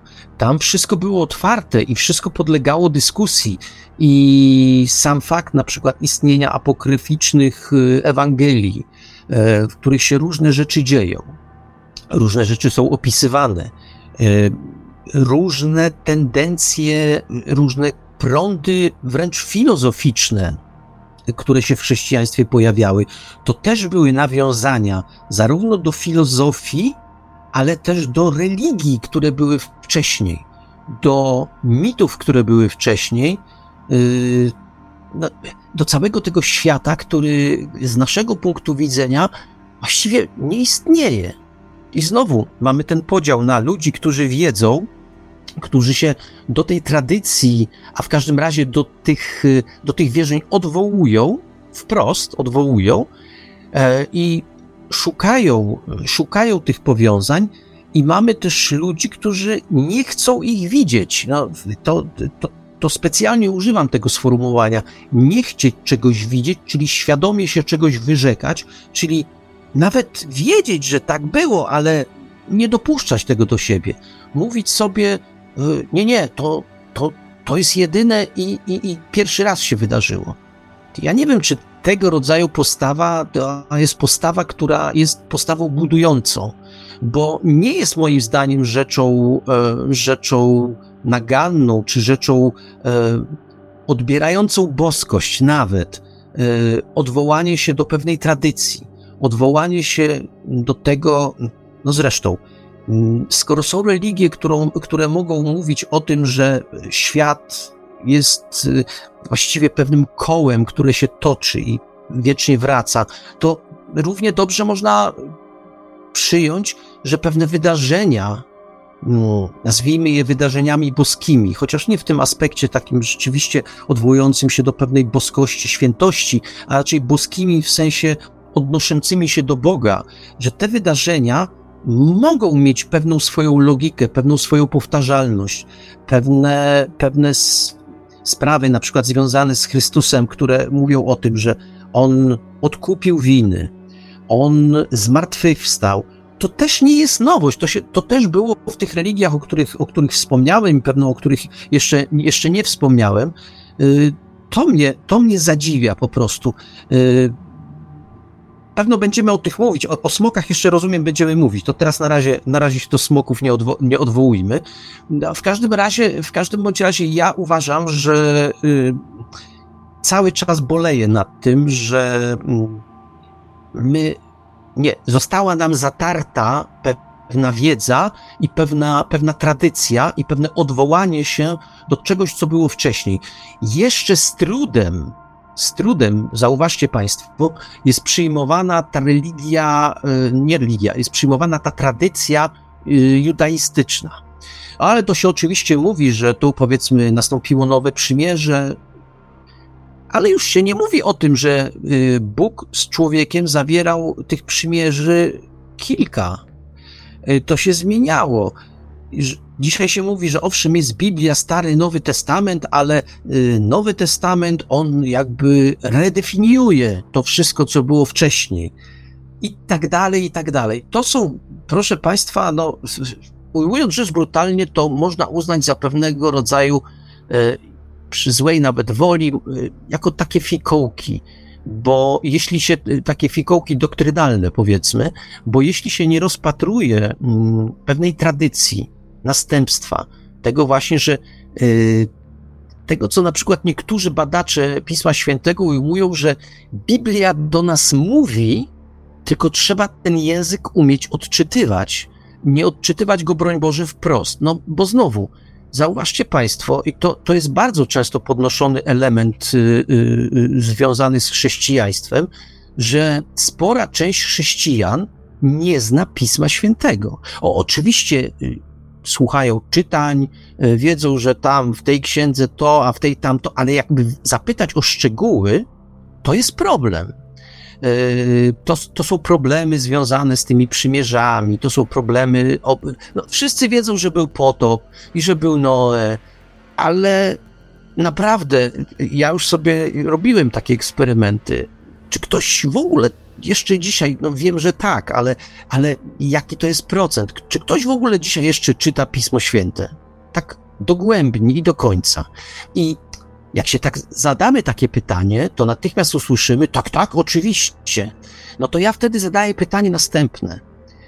Ale jakżeż ty czytasz to Pismo Święte? Chyba, że pod natchnieniem Ducha Świętego, bo w Piśmie Świętym są tak trudne frazy, tak trudne fragmenty, których bez pewnej wiedzy e, pochodzącej spoza Biblii, dotyczącej czasów, dotyczącej e, religii, dotyczącej, nie wiem, no, aspektów życia w tamtym czasie, nie sposób jest zrozumieć. I wtedy albo musimy się odwołać do, do jakichś ksiąg, które tłumaczą to, co się tam wtedy działo, e, wyjaśniają ze szczegółami, odwołują się do języka, bo znowu to jest to jest obszar, który, którego język jest dosyć specyficzny i z tego języka bardzo wiele można wyczytać, ale pod warunkiem, że się ten język rozumie, a nie tylko zna z tłumaczenia. Ja nie znam tego języka, od razu się, od razu się tutaj miksuję, ja nie jestem znawcą, nie znam, nie znam, nie znam języka, ale skądinąd wiem, bo się tym interesowałem, jak jak trudna jest, jak trudne jest rozkodowanie na przykład Starego Testamentu. Jak to jest y, trudne nawet dla ludzi, którzy znają ten starożytny język, języki właściwie.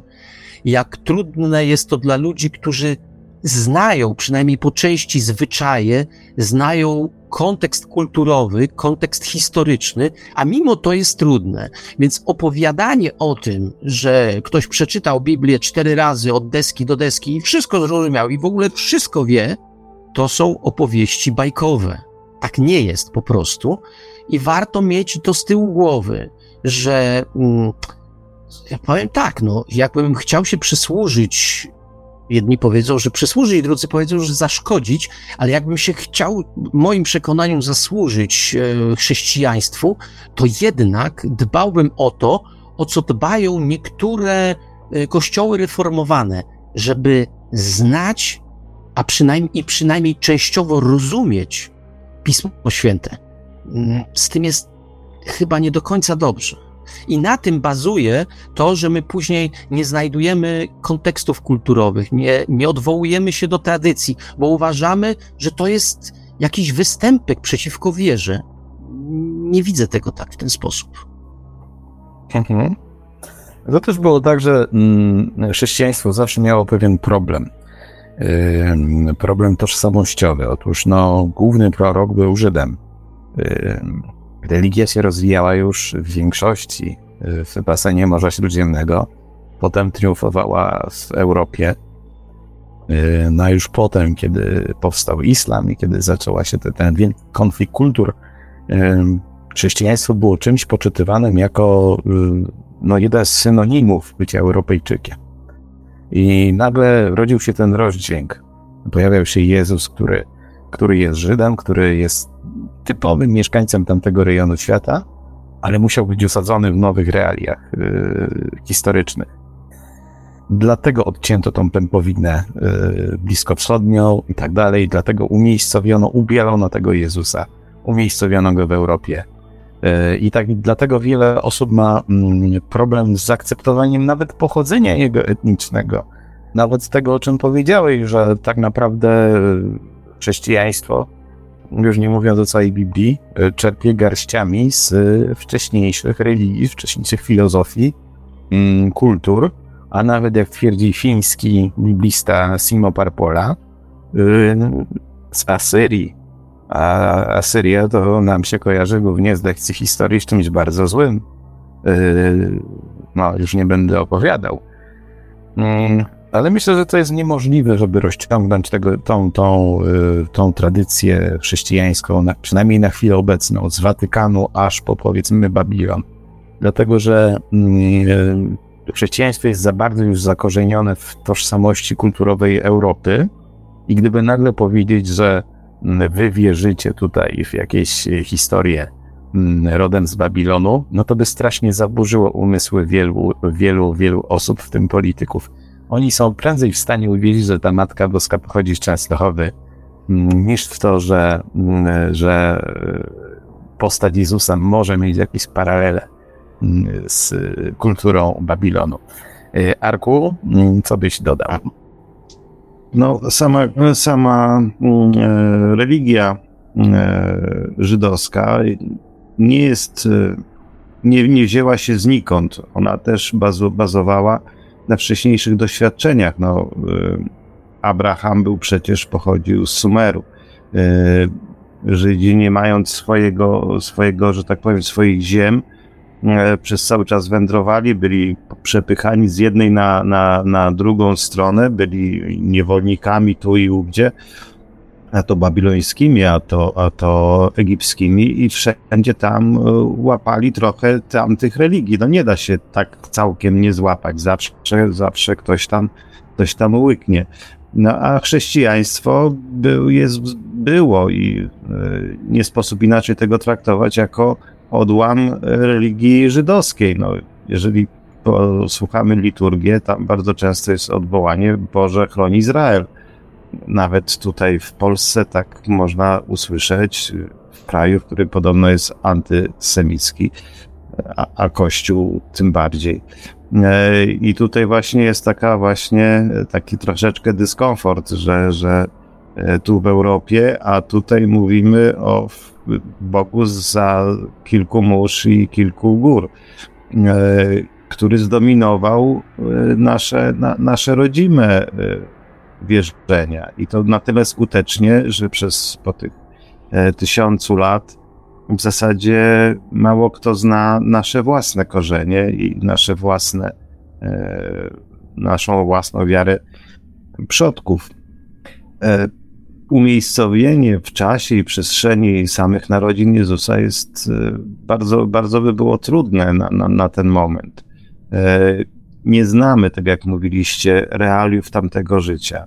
Życia w, w Judei e, w 2000 lat temu. nie jesteśmy nawet w stanie pojąć tego, z czym borykali się mieszkańcy tego i jakie mieli nadzieje i tak naprawdę w co wierzyli.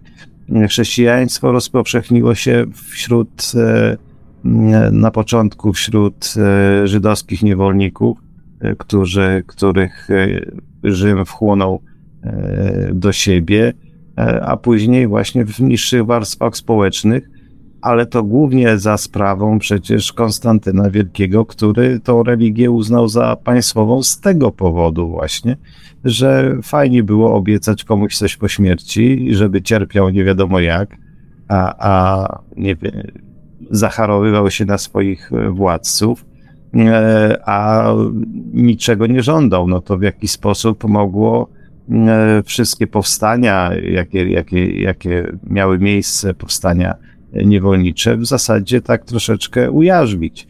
No i to, to też e, trzeba o tym powiedzieć, że no, e, religia religią, ale ona miała bardzo poważne e, takie społeczne odwzorowanie. No, fajnie by było mieć po prostu kontrolę nad, nad tymi naj, nad najbiedniejszymi.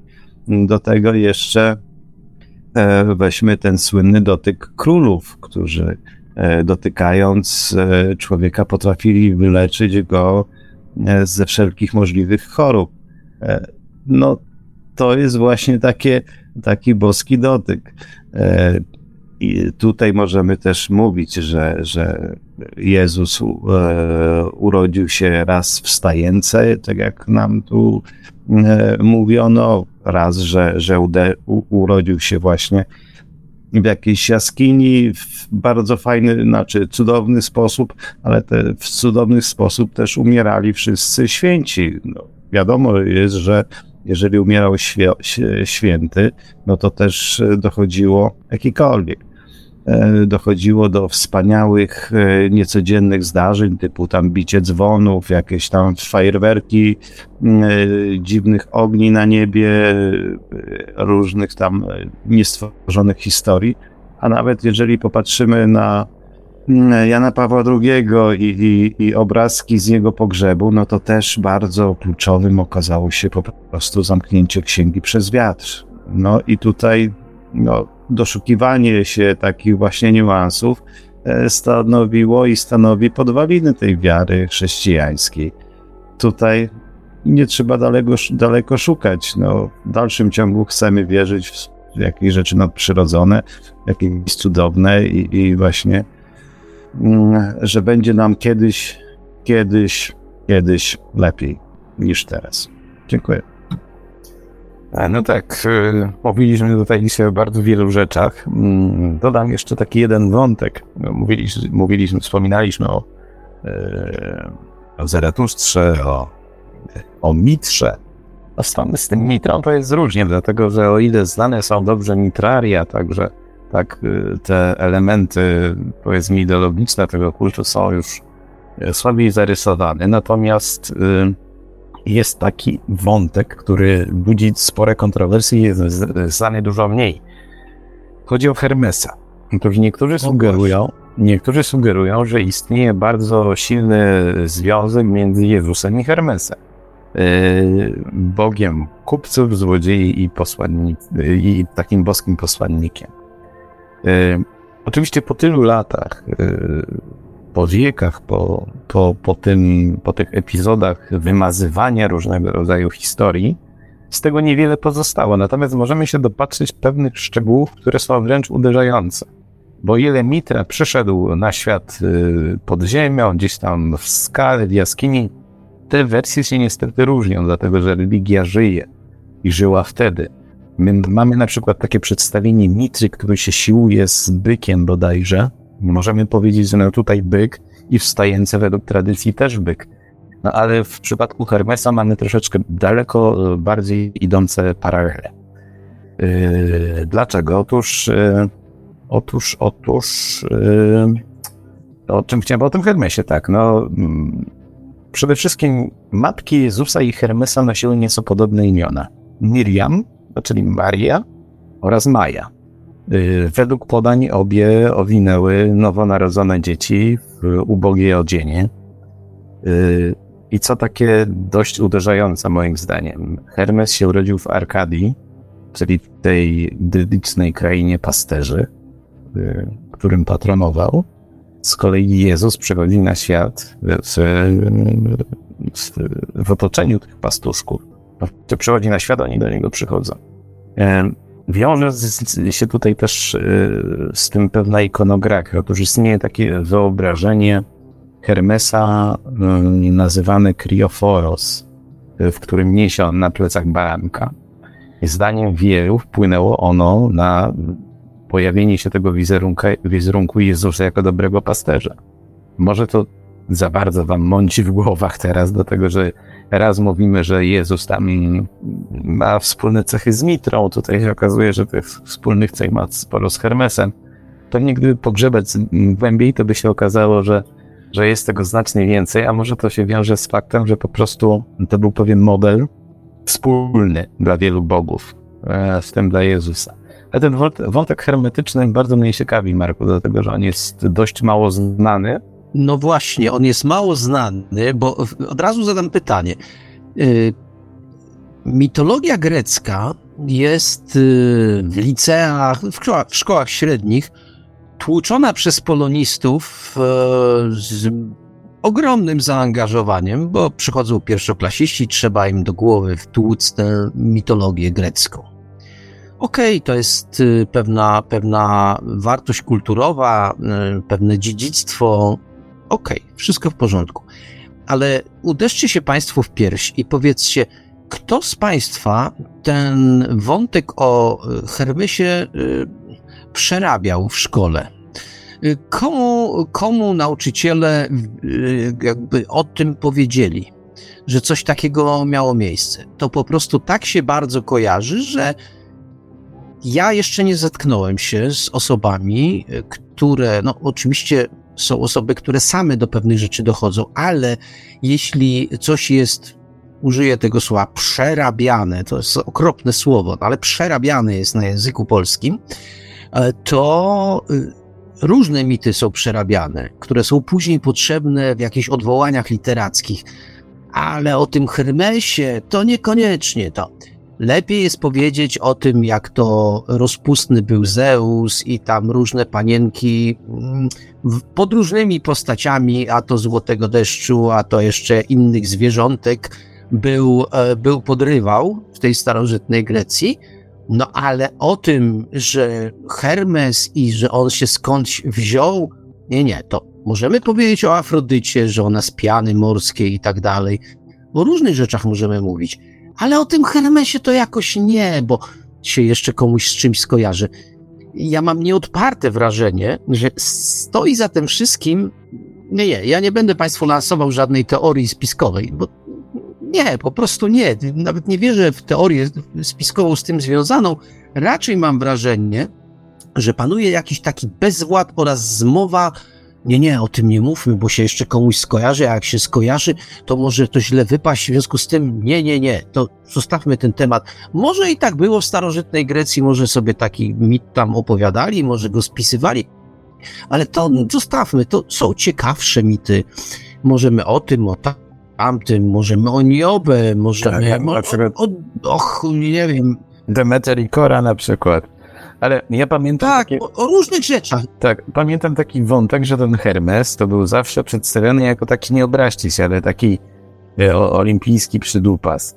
Czyli on nigdy nic nie robił, on sobie tylko latał między tymi bogami, nic. Ale kiedy wchodzimy w... I taki sowist drzał trochę. Tak.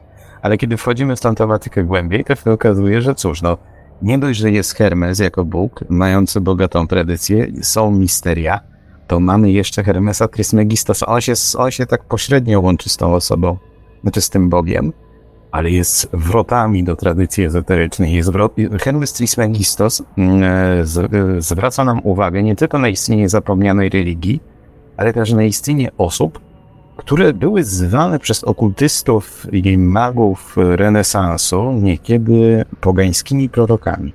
To byli mędrcy, nieuznawani przez Kościół oczywiście, bo nie wymieniani w Biblii, ale tacy, którzy pozostawili po sobie pewną tradycję. Jednym z, z nich był właśnie Hermes Trismegistos.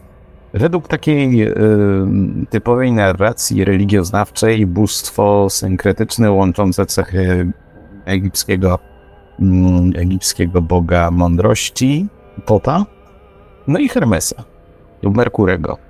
Natomiast według innych koncepcji pogański prorok, wielki mędrzec, twórca religii, która co ciekawe stała się podwalinami współczesnej y, zachodniej myśli ezoterycznej. No, od nawiązania do Hermesa znajdziecie m.in. w kartach Tarota. Najbardziej znana maksyma pochodząca z tej religii to jako na górze, tak i na dole. O, ale tu poszliśmy trochę za daleko. Mm. No już prawie w alchemię. Tak. Wydaje mi się, że, że jest dużo racji w tym, co mówisz. Do tego, że są pewne rzeczy, o których w szkole nie wolno mówić. Ja, ja wam opowiadałem już pewnego razu, jak e, po takim małym epizodzie nauczycielskim e, miałem lekcję o.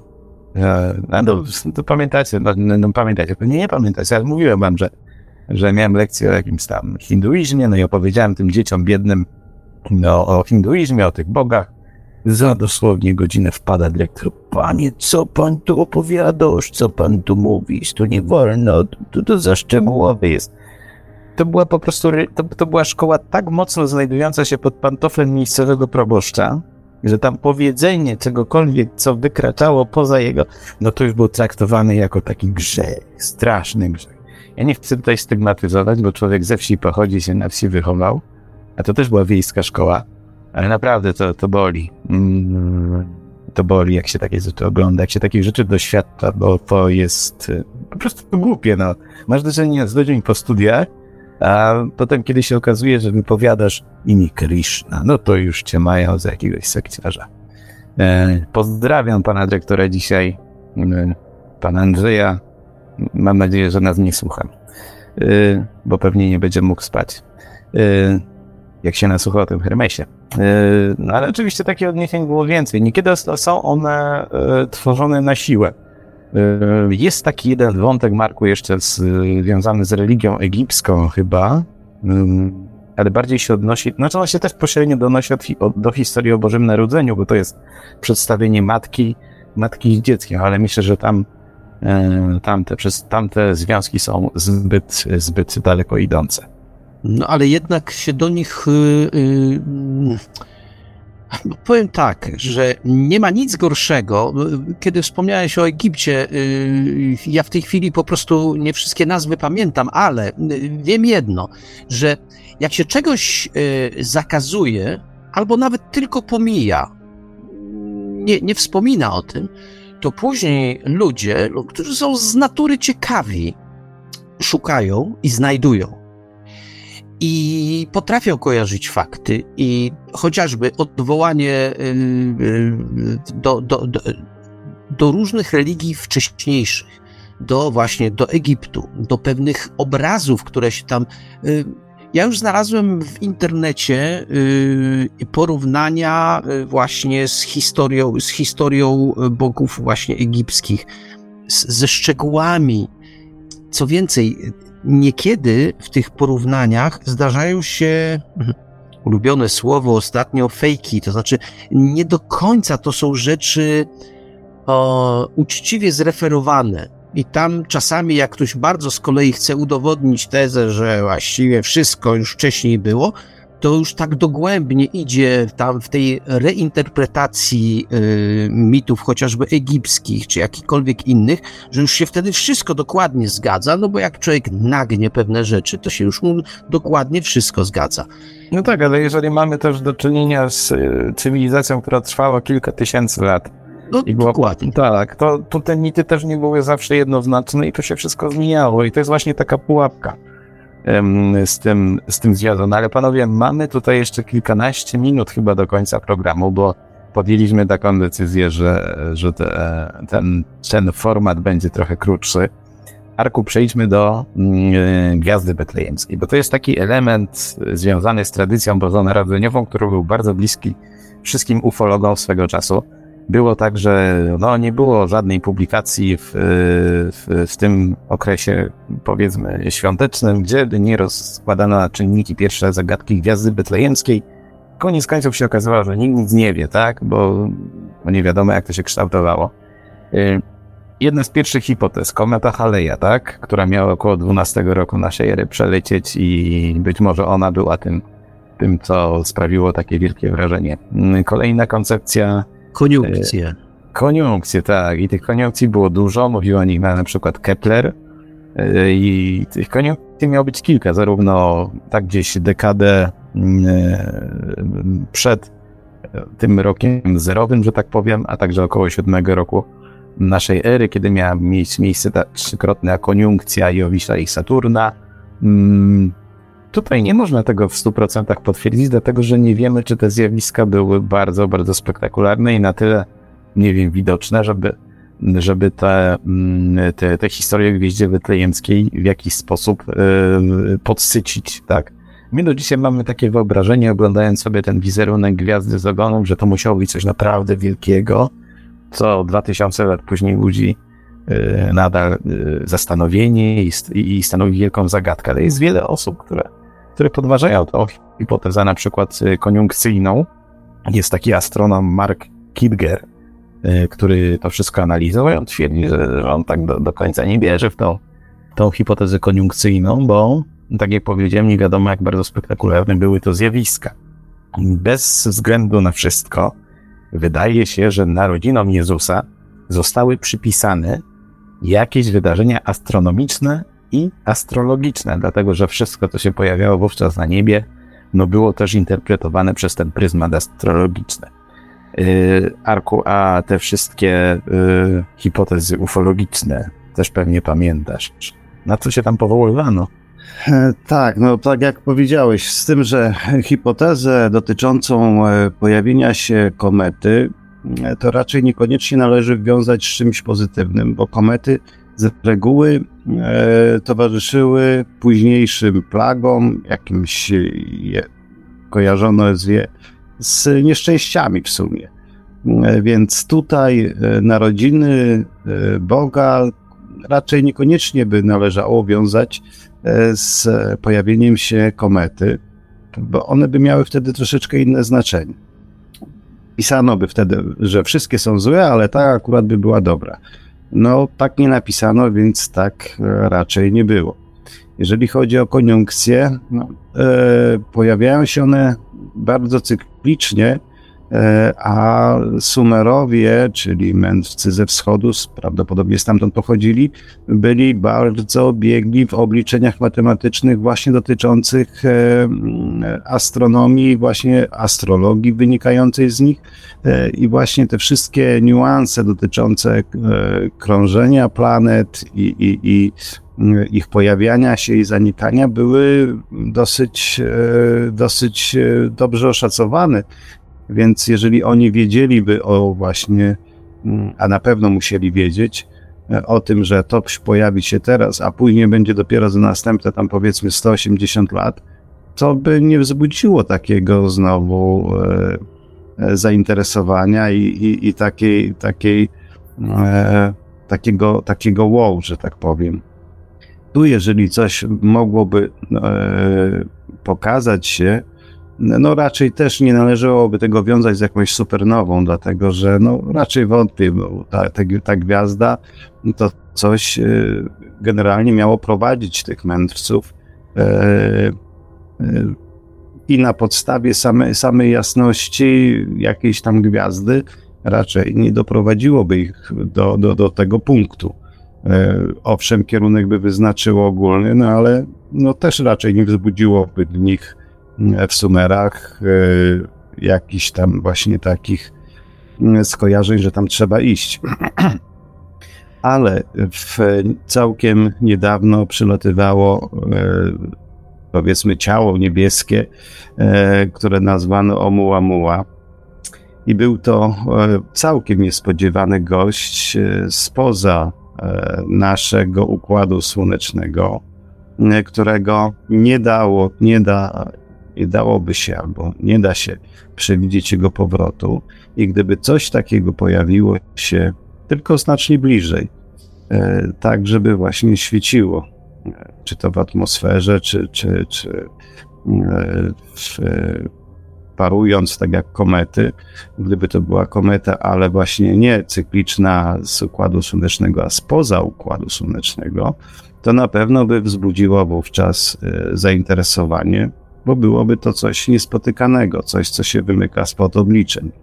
Natomiast jeżeli chodzi o kontakty e, z nieznanym, powiedzmy, e, kosmicznymi obiektami ówczesnymi UFO, to też należy wziąć to pod uwagę, dlatego że jeżeli weźmy, weźmiemy właśnie pod uwagę znowu e, to, że e, Mojżesz e, potrafił prowadzić Żydów przez 40 lat po pustyni, zanim, zanim ją przeszli, a tutaj mędrcy ze wschodu trafili niemalże w punkt, docierając do małej groty w sumie i, i wiedzieli dokąd iść i czego szukać, no to znaczy, że, że, że, że coś ich musiało prowadzić. E, bez punktów orientacyjnych, a tylko na miarę niskim pułapie, w miarę jasno, no to jak nic wychodzi na to, że jest to, że musiał być to obiekt e, bardzo techniczny, który, który no, e, reagował na to w momencie, kiedy oni E, zbaczali z drogi, obej, e, próbując obejść jakieś góry, bo też na pewno takie rzeczy musiały się zdarzać. Więc tutaj, no, jak najbardziej e, hipoteza paleokontaktów, no, wpisuje się jakoś w, w, ten, w, tą, w tą historię. Dziękuję. Aha. Pośród tych wszystkich dziwności, które się pojawiają w opowieściach o narodzinach Jezusa, to ta o trzech królach, trzech magach, czy jak są inne źródła 12 magach, wydaje mi się najdziwniejsze. Dlatego, że to jest coś, co absolutnie nie pasuje do tej narracji. I że to zostało zachowane w Nowym Testamencie, to jest chyba tylko yy, to jest chyba tylko yy, dzięki temu, że opowieść o królach, że pojawiają się w żłobku i biją pokłony temu dziecku, przynosząc dary, była bardzo na rękę późniejszym władcom i wszystkim tym, którzy chrześcijanami byli. Bo otóż się okazywało, że mm, wszyscy królowie ziemscy powinni bić pokłony naczelnemu kapłanowi chrześcijaństwa. Oczywiście swego czasu takiego nie było. Przez wieki nie miał on takiej realnej władzy, jak yy, chociażby przez yy, okres średniowiecza miał papież. Ale jednak Pomimo wszystko ta dziwaczna symbolika trzech magów, trzech króli do dzisiaj jest niewyjaśniona. No bo tak, w zasadzie kim oni byli? Nie wiemy. Co oni robią w tej historii? Też nie wiemy. Oni tam pasują jak kwiatek do kożucha. To może być jeden z symboli yy, świadczących, że historia o Jezusie rzeczywiście czerpie garściami z jakichś nieco bardziej wschodnich religii, na przykład z asyryjskiej, perskiej. Yy, pojawia się taka hipoteza mówiąca, że mm, ci magowie, i to jest hipoteza z Simo Parpoli, on tylko do, do, też tak tego do końca nie rozumiem. On mówi, że miało miejsce wtedy pewne zdarzenie, które było zinterpretowane przez nich jako, jako zwycięstwo Boga Nabu nad śmiercią. I to była pewna koniunkcja. No i wtedy mm, świętowali, tak, i nazwane to zwycięstwo zostało oczywiście symboliczne, bo to było, to było interpretowane przez, z perspektywy astrologicznej, zostało to nazwane dobrą nowiną, z greki Ewangelią. Yy, czy ta hipoteza Parpoli jest zbyt daleko idąca, czy nie? Mm, trudno mi ocenić, jest to naprawdę ciekawe. Yy, sami, jeżeli sobie przeanalizujecie te wszystkie wątki, to zobaczycie, że, że już yy, no, pojawienie się tych magów, króli, bo tak naprawdę nam pismo nie, nie precyzuje, kim byli, ani, ani nawet ilu ich było. To jest taki jakiś dziwny, ezoteryczny, okultystyczny do, dodatek do chrześcijaństwa. Marku, co on nam może sugerować? Mówiąc szczerze, nie, nie mam tego przemyślanego tak do końca, bo ja nawet nie wiem, czy do końca, czy, czy to jest tak, że mm, wspomniałeś o tym, że to, to jest ślad jak, jakiejś obcej tradycji. E, możemy i tak powiedzieć, ale z drugiej strony mm, bardzo pięknie zostało to zinterpretowane i wpisało się w pewną tradycję e, poddania się władzy świeckiej, władzy boskiej, kiedy mędrcy tego świata, czy też monarchowie, to już jadę za, za, za kolendą, oddają cześć e, narodzone, narodzonemu Bogu, Bogu to e, jakby mamy gotowy, gotowy materiał do tego, co się działo później w historii. Czyli istnieje pewna zwierzchność. I kto wie, mm, to jest bardzo oczywiście prosta, jeśli nawet nie prostacka interpretacja, ale kto wie, czy nie bardzo praktyczna. Bo zwróćmy uwagę, że poza wszystkim innym, e, w ogóle bardzo często we współczesnym świecie mylą nam się, albo ktoś o to zadbał, żeby nam się to myliło, mylą nam się wiara z kultem, e, z, z pewną organizacją, czyli z kościołem, i to jakby zbijamy w jedno, a to w gruncie rzeczy nie jest jedno.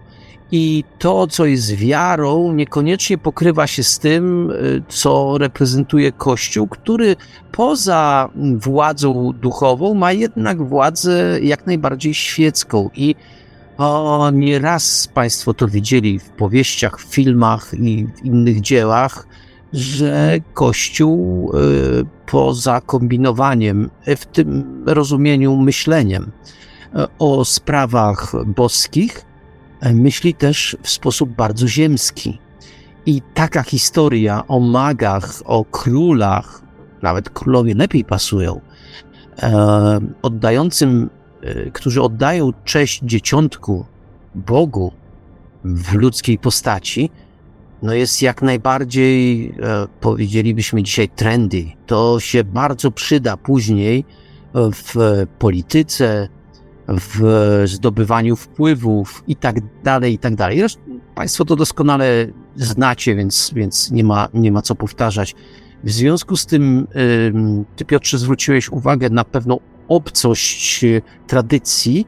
Ja natomiast y, zwróciłbym uwagę na to, że to jest znakomity punkt wyjścia do prowadzenia polityki przez duże P. A przecież to nie oszukujmy się, znowu mm, mało będzie, myślę, ludzi, którzy zaprzeczą temu, że Kościół, w odróżnieniu od wiernych, wiary, od, od, od religii, to, to, to tak naprawdę używamy bardzo często zamiennie, a to nie są tożsame pojęcia. Więc Kościół jako organizacja bardzo często wdawał się e, w takie gry polityczne. No i ta historia o magach, królach jest znakomitym punktem wyjścia do prowadzenia takich właśnie, mm, takich właśnie rozgrywek politycznych. No, zresztą bardzo sprytnie później, sprytnie i sprawnie, przede wszystkim sprawnie, wykorzysty- te, te, te, ten motyw był wykorzystywany przez Kościół władza zwierzchnia. No przecież znowu odwołanie do historii. Kościół był ponad władcami ziemskimi. E, cesarz, e, cesarzowie, e, królowie to jednak mieli swojego władcę, takiego tego ziemskiego władcę, mieli gdzieś tam daleko, daleko. Zwróćcie Państwo na, uwagę na to, jak się nazywało cesarstwo niemieckie. Komu oddawało cześć? Te, te wszystkie podatki, które były w średniowieczu płacone, nie tylko w średniowieczu. W każdym bądź razie okazuje się, że kiedy mówimy o kościele, to mówimy o kilku różnych poziomach różnych zjawiskach, ale bardzo ważnym aspektem jest aspekt polityczny. I mnie przynajmniej może znowu jestem człowiekiem prostym albo łatwowiernym, ale jednak bardzo pasuje to do doktryny politycznej. Tak, można by się kłócić i powiedzieć, no ale dobrze, skoro yy, w średniowieczu to wykorzystano, to dlaczego zapisali to ewangeliści? No ale chyba z tego powodu, że chcieli jakoś uwznioślić, uwypuklić postać Jezusa. No ale zwróćmy też tak. uwagę, że tych ewangeli ci ewangeliści e, to nam dzisiaj się tak, no było czterech ewangelistów i w związku z czym no, oni wiedzą, co mówią. Zwróćmy uwagę, ile tak naprawdę było Ewangelii. One były, te, to, że mamy czterech ewangelistów, tych oficjalnych w Piśmie Świętym, to jest też e, skutek pewnego doboru, czy też wyboru, który został dokonany, myślę, że całkiem świadomie. Myślę, że całkiem świadomie yy, przez Kościół właśnie. Yy, przecież to znowu czas kształtowania się doktryny, czas dobierania ksiąg, wyrzucania niektórych ksiąg. Yy, stąd się później wziął ten bałagan, że w, jedne, w prawosławiu jedne księgi funkcjonują, a w, a w katolicyzmie nie funkcjonują i tak dalej, i tak dalej. To, to wszystko jednak jest odbicie pewnego, pewnego, pewnego procesu, który zachodził, no zostańmy przy tych pierwszych pięciu wiekach. Hmm. Mi się to tam wszystko wydaje bardzo dziwne, jeżeli chodzi o, o tych magów króli, dlatego że y, tam nastąpiło jakieś ewidentne pomieszanie tradycji. Samo to, że stosuje się wymiennie termin magowie, królowie, y, to nas odnosi zarówno do kręgu kultury, nie wiem, irańskiej, perskiej, e, jak i babilońskiej. Ktoś to był, tak? Coś się tam wydarzyło. Ale mhm. po czym Kościół, Kościół e, zdecydowanie potępił wszelkie, wszelkie przejawy magii, wszelkie przejawy wróżbiarstwa i tak dalej, i tak dalej. Czyli mamy magów e, jako wielkich mężów w Ewangeliach, ale później magii nie ma to kto uprawia magię, to już nie po drodze. Więc tu już jest, nawet na tym poziomie jest pewien taki dysonans się pojawia. Tak. Albo było jeszcze coś, yy, było coś, yy, jak sugerują niektóre hipotezy, że Jezus też był jednym z tych magów, który, który zajmował się astrologią i stąd pochodziła jego wiedza. Yy, tylko, że to już zostało potem przemilczane. Mm, to jest bardzo trudny temat. Wydaje mi się, że to jest najciekawszy wątek z tych naszych dzisiejszych rozważań, dlatego że jakkolwiek by nie było i ci nagowie pojawiają się w Ewangelii i pojawiają się w, mm, pojawiają się w apokryfach, w apokryfach ich rola jest troszkę bardziej tajemnicza. Dlatego, że y, z jednego z apokryfów, zaraz wam powiem z którego, bo zapomniałem szczerze mówiąc już z tego wszystkiego. Sekunda, sekunda, sekunda. Jest taki apokryf, który wspomina o, o tym, że, że ci magowie przybyli z w liczbie 12, co ciekawe. Aha, to jest syryjska opowieść o magach. I ona wspomina o 12, 12 magach, którzy przybyli do Ziemi Świętej, by powitać dzieciątko z odległej krainy Shir. I byli strażnikami wiedzy pozostawionej przez Adama, ta wiedza była ukryta w miejscu zwanym jaskinią triumfów. No to już się, ma, to już się Arku ociera o jakąś straszną ezoterykę albo wręcz o paraastronautykę. E, raczej paraastronautykę. No tutaj e, przede wszystkim Kościół musiał się bardzo, bardzo szybko wyłgać, że tak powiem, z magii, bo z magią walczono E, wszelkimi możliwymi sposobami, więc tutaj akurat zastąpienie e, magów przez e, królów było bardzo no, takim w, w uderzeniem bardzo celnym. No i tak jak powiedzieliście wcześniej, to w zasadzie Watykan kształtował państwa, a państwa w zamian za to oddawały, e, oddawały swoje dobra dla, do kościoła. E, trzeba przypomnieć o tym, że zawsze był ten pomazaniec Boży, czyli król, e, którego, którego papież tam mianował, czy tam koronował. Z drugiej strony papieże wywodzili się z kasty książęcej i z rodów królewskich więc to było takie no, wzaj- towarzystwo wzajemnej adoracji. No tutaj E, jeżeli chodzi o przybyłych, e, przybyłych do, e, do Judei, właśnie tych mędrców, magów, ciężko cokolwiek powiedzieć, no bo ich naprawdę musiało być dużo więcej, dlatego że nie wyobrażam sobie, żeby e, trzej panowie e, przynieśli w szkatułkach najbardziej drogocenne rzeczy i nie bali się tego, jakieś tam napaści, pochwycenia. Przecież z reguły tak było, że jeżeli ktoś szedł tamtą stroną, mógł być bardzo łatwo pojmany i kończył jako niewolnik.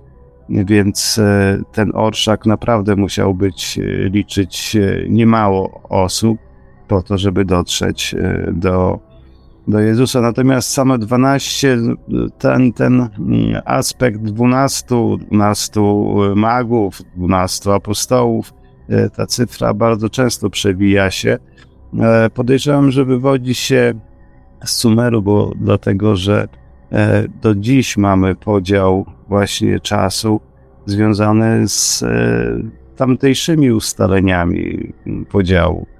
E, więc to jest, to jest jakieś spoiwo, które łączy, łączy wszystkich nas ponad, ponadczasowo. Natomiast nie bardzo wiem, co tych dwunastu miałoby przynosić więcej niż przyniosło tych trzech. E, także no tutaj e, można mówić o, e, o, o tajemnej wiedzy, która wywodzi się jeszcze z, ze złotego czasu ludzkości, czyli gdzieś tam z panowania Atlantydy i tak dalej, rozkminiać to dalej, no ale to nie wiem, nie wiem, czy nie wiem, czy warto. Po prostu. Dziękuję. Tak. Doszliśmy do takich wniosków, że po pierwsze, Boże Narodzenie to chyba święto bardziej pogańskie niż chrześcijańskie. Jakkolwiek to brzmi. Mimo wszystko nie jest ono oparte o jakieś wydumane tradycje. To jest tak naprawdę święto, które ma charakter uniwersalny, kimkolwiek jesteśmy. Tak? Yy, tylko w naszej głowie musimy sobie odblokować pewne, pewne, yy, pewne, pewne odblokować blokady, chciałem powiedzieć, wiecie, to masło maślane, odblokować pewne rzeczy, yy, poprzesuwać pewne klocki, żeby zobaczyć, że ten kontekst cywilizacyjny, w którym jesteśmy osadzeni, jest tak naprawdę znacznie, znacznie starszy. I jest to bardzo interesujące. Yy, pytanie, jak to przeżywać? To jest kwestia indywidualna. Jak to rozpatrywać, to też. Chodzi chyba o celebrację. Chodzi o taki kulturalny łącznik pomiędzy pomiędzy nami a tymi dalekimi, dalekimi przodkami, e, bez względu na co co czcili e, w tym okresie i tak dalej. Pomimo wszystko wiedza i świadomość pewnych rzeczy pozwala nam zrozumieć, jak bardzo skomplikowanej także e, ideologicznie rzeczywistości żyjemy. Momentami myślę, że dla wielu naszych słuchaczy audycja ta była szokująca chociaż poruszaliśmy się po takich oklepanych tematach. Panowie, y, kończymy na dzisiaj. Dziękuję Wam za udział. Mm, Marku. Widzimy się pewnie za jakieś dwa tygodnie w kolejnej audycji, ale to wszystko będzie jeszcze e, tutaj aktualizowane przez, przez Iweliosa. E, co jeszcze można powiedzieć? Zapraszamy w piątek na bibliotekarium. To już kolejny raz gdzie będziemy mówić o, o filmach, kilku niebanalnych, ciekawych, takie, które sobie można w święta obejrzeć i y, nie powiem pocieszyć się tą atmosferą, ale przynajmniej się troszkę pozastanawiać. No taki y, kontrapunkt dla tego, dla, ty, dla tych świąt, które są w gruncie rzeczy w tradycji bardzo, bardzo radosne i takie takie fajne i w ogóle jest miło i sympatycznie, no to my zaproponujemy Państwu kilka takich tytułów, które nieco Państwu tę atmosferę zważą, ale no cóż, nie, nie jest to, to będzie banał, ale które wypowiem oczywiście, e, jakżeżby inaczej, że czasami na zasadzie kontrastu, jak się obejrzy jakąś taką historię, która nie jest fajna, to człowiek bardziej docenia to, że jest fajnie. No i my o takich filmach troszeczkę Państwu poopowiadamy w ten piątek. Dokładnie. Zachęcam też wszystkich do, do y, przesłuchania y, bibliotekarium z tamtego piątku, gdzie mówiliśmy o nieświętych objawieniach, y, a właściwie o filmach na ten temat. Także jeżeli ktoś chce, to znajdzie to nagranie na kanale y, no, Radia Paranormalium możecie sobie zobaczyć. Tam jest bardzo długa audycja, bardzo ciekawa. Yy, I Weliosie, jakieś koncepcje, jakieś komentarze? Co w okresie świątecznym planujesz? A tego to jeszcze szczerze powiem, nie wiem. Chodzi mi po głowie pomysł puszczenia w drugim dniu świąt jakiegoś e, odcinka, mówią świadkowie, takiego e, pozornie lajtowego, ale to jeszcze. E, jeżeli coś się wykluje w tym temacie, to jeszcze dam znać. Mhm. Także dziękujemy panowie i zapraszamy ponownie. Naszymi gośćmi byli Marek Żelkowski, pisarz science fiction, autor audycji Bibliotekarium. Zapraszamy na niej w piątek i szukajcie audycji na kanale Radia Paranormalium. Naszym gościem był także Arkadiusz Kocik z Wremińsko-Mazurskiej Grupy Ufologicznej. Panowie, wesołych świąt! Trzymajcie się tam jakoś. Wesołych świąt i do usłyszenia. Pozdrawiamy. Wszystkiego dobrego na święta. Pozdrawiamy. E, no cóż, e, drodzy Państwo, dobranoc i słyszymy się chyba po świętach, Marku, gdzieś koło drugiego chyba stycznia. No, no to wychodzi. Wtedy poniedziałek o 20. O 20, a myślę, że naszym tematem będzie efekt Mandeli, ale to tylko wstępnie. Pozdrawiam, życzę wesołych świąt, yy, propagujcie nas, czytajcie Nieznany Świat. Mówił do Państwa przed chwilą Piotr Cielebiaś z Niesanego Świata, który dla Państwa poprowadził dzisiejszą dyskusję. Audycję jak zawsze technicznie obsługiwał Marek Sękiewelios, Radio Paranormalium, Paranormalny Głos w Twoim domu. Dziękujemy za uwagę, dobranoc i do usłyszenia ponownie w kolejnych naszych audycjach. No i szczególnie w kolejnym odcinku Oblicz Niestanego, który usłyszycie Państwo na żywo w poniedziałek 2 stycznia roku 2023 o godzinie 20 na antenie Radia Paranormalium. Produkcja i realizacja Radio Paranormalium. www.paranormalium.pl Bardziej niż nieprawdopodobne, niemożliwe, niewiarygodne. Radio Paranormalium. Paranormalny głos w Twoim domu. UFO Relacje. Polska baza relacji o obserwacjach UFO. www.uforelacje.pl Podziel się już dziś swoją obserwacją. Czekamy na relacje współczesne oraz z lat ubiegłych. Wszystkim świadkom zapewniamy pełną anonimowość. UFO Relacje. Polska baza relacji o obserwacjach UFO. www.uforelacje.pl Pisz artykuły, rozmawiaj z czytelnikami, moderuj komentarze i poczuj się jak redaktor. Załóż bloga na Paranormalium. Więcej dowiesz się w dziale blogi na www.paranormalium.pl. Rozmawiaj z prezenterami oraz z innymi słuchaczami na żywo. Wejdź na naszego czata na www.paranormalium.pl.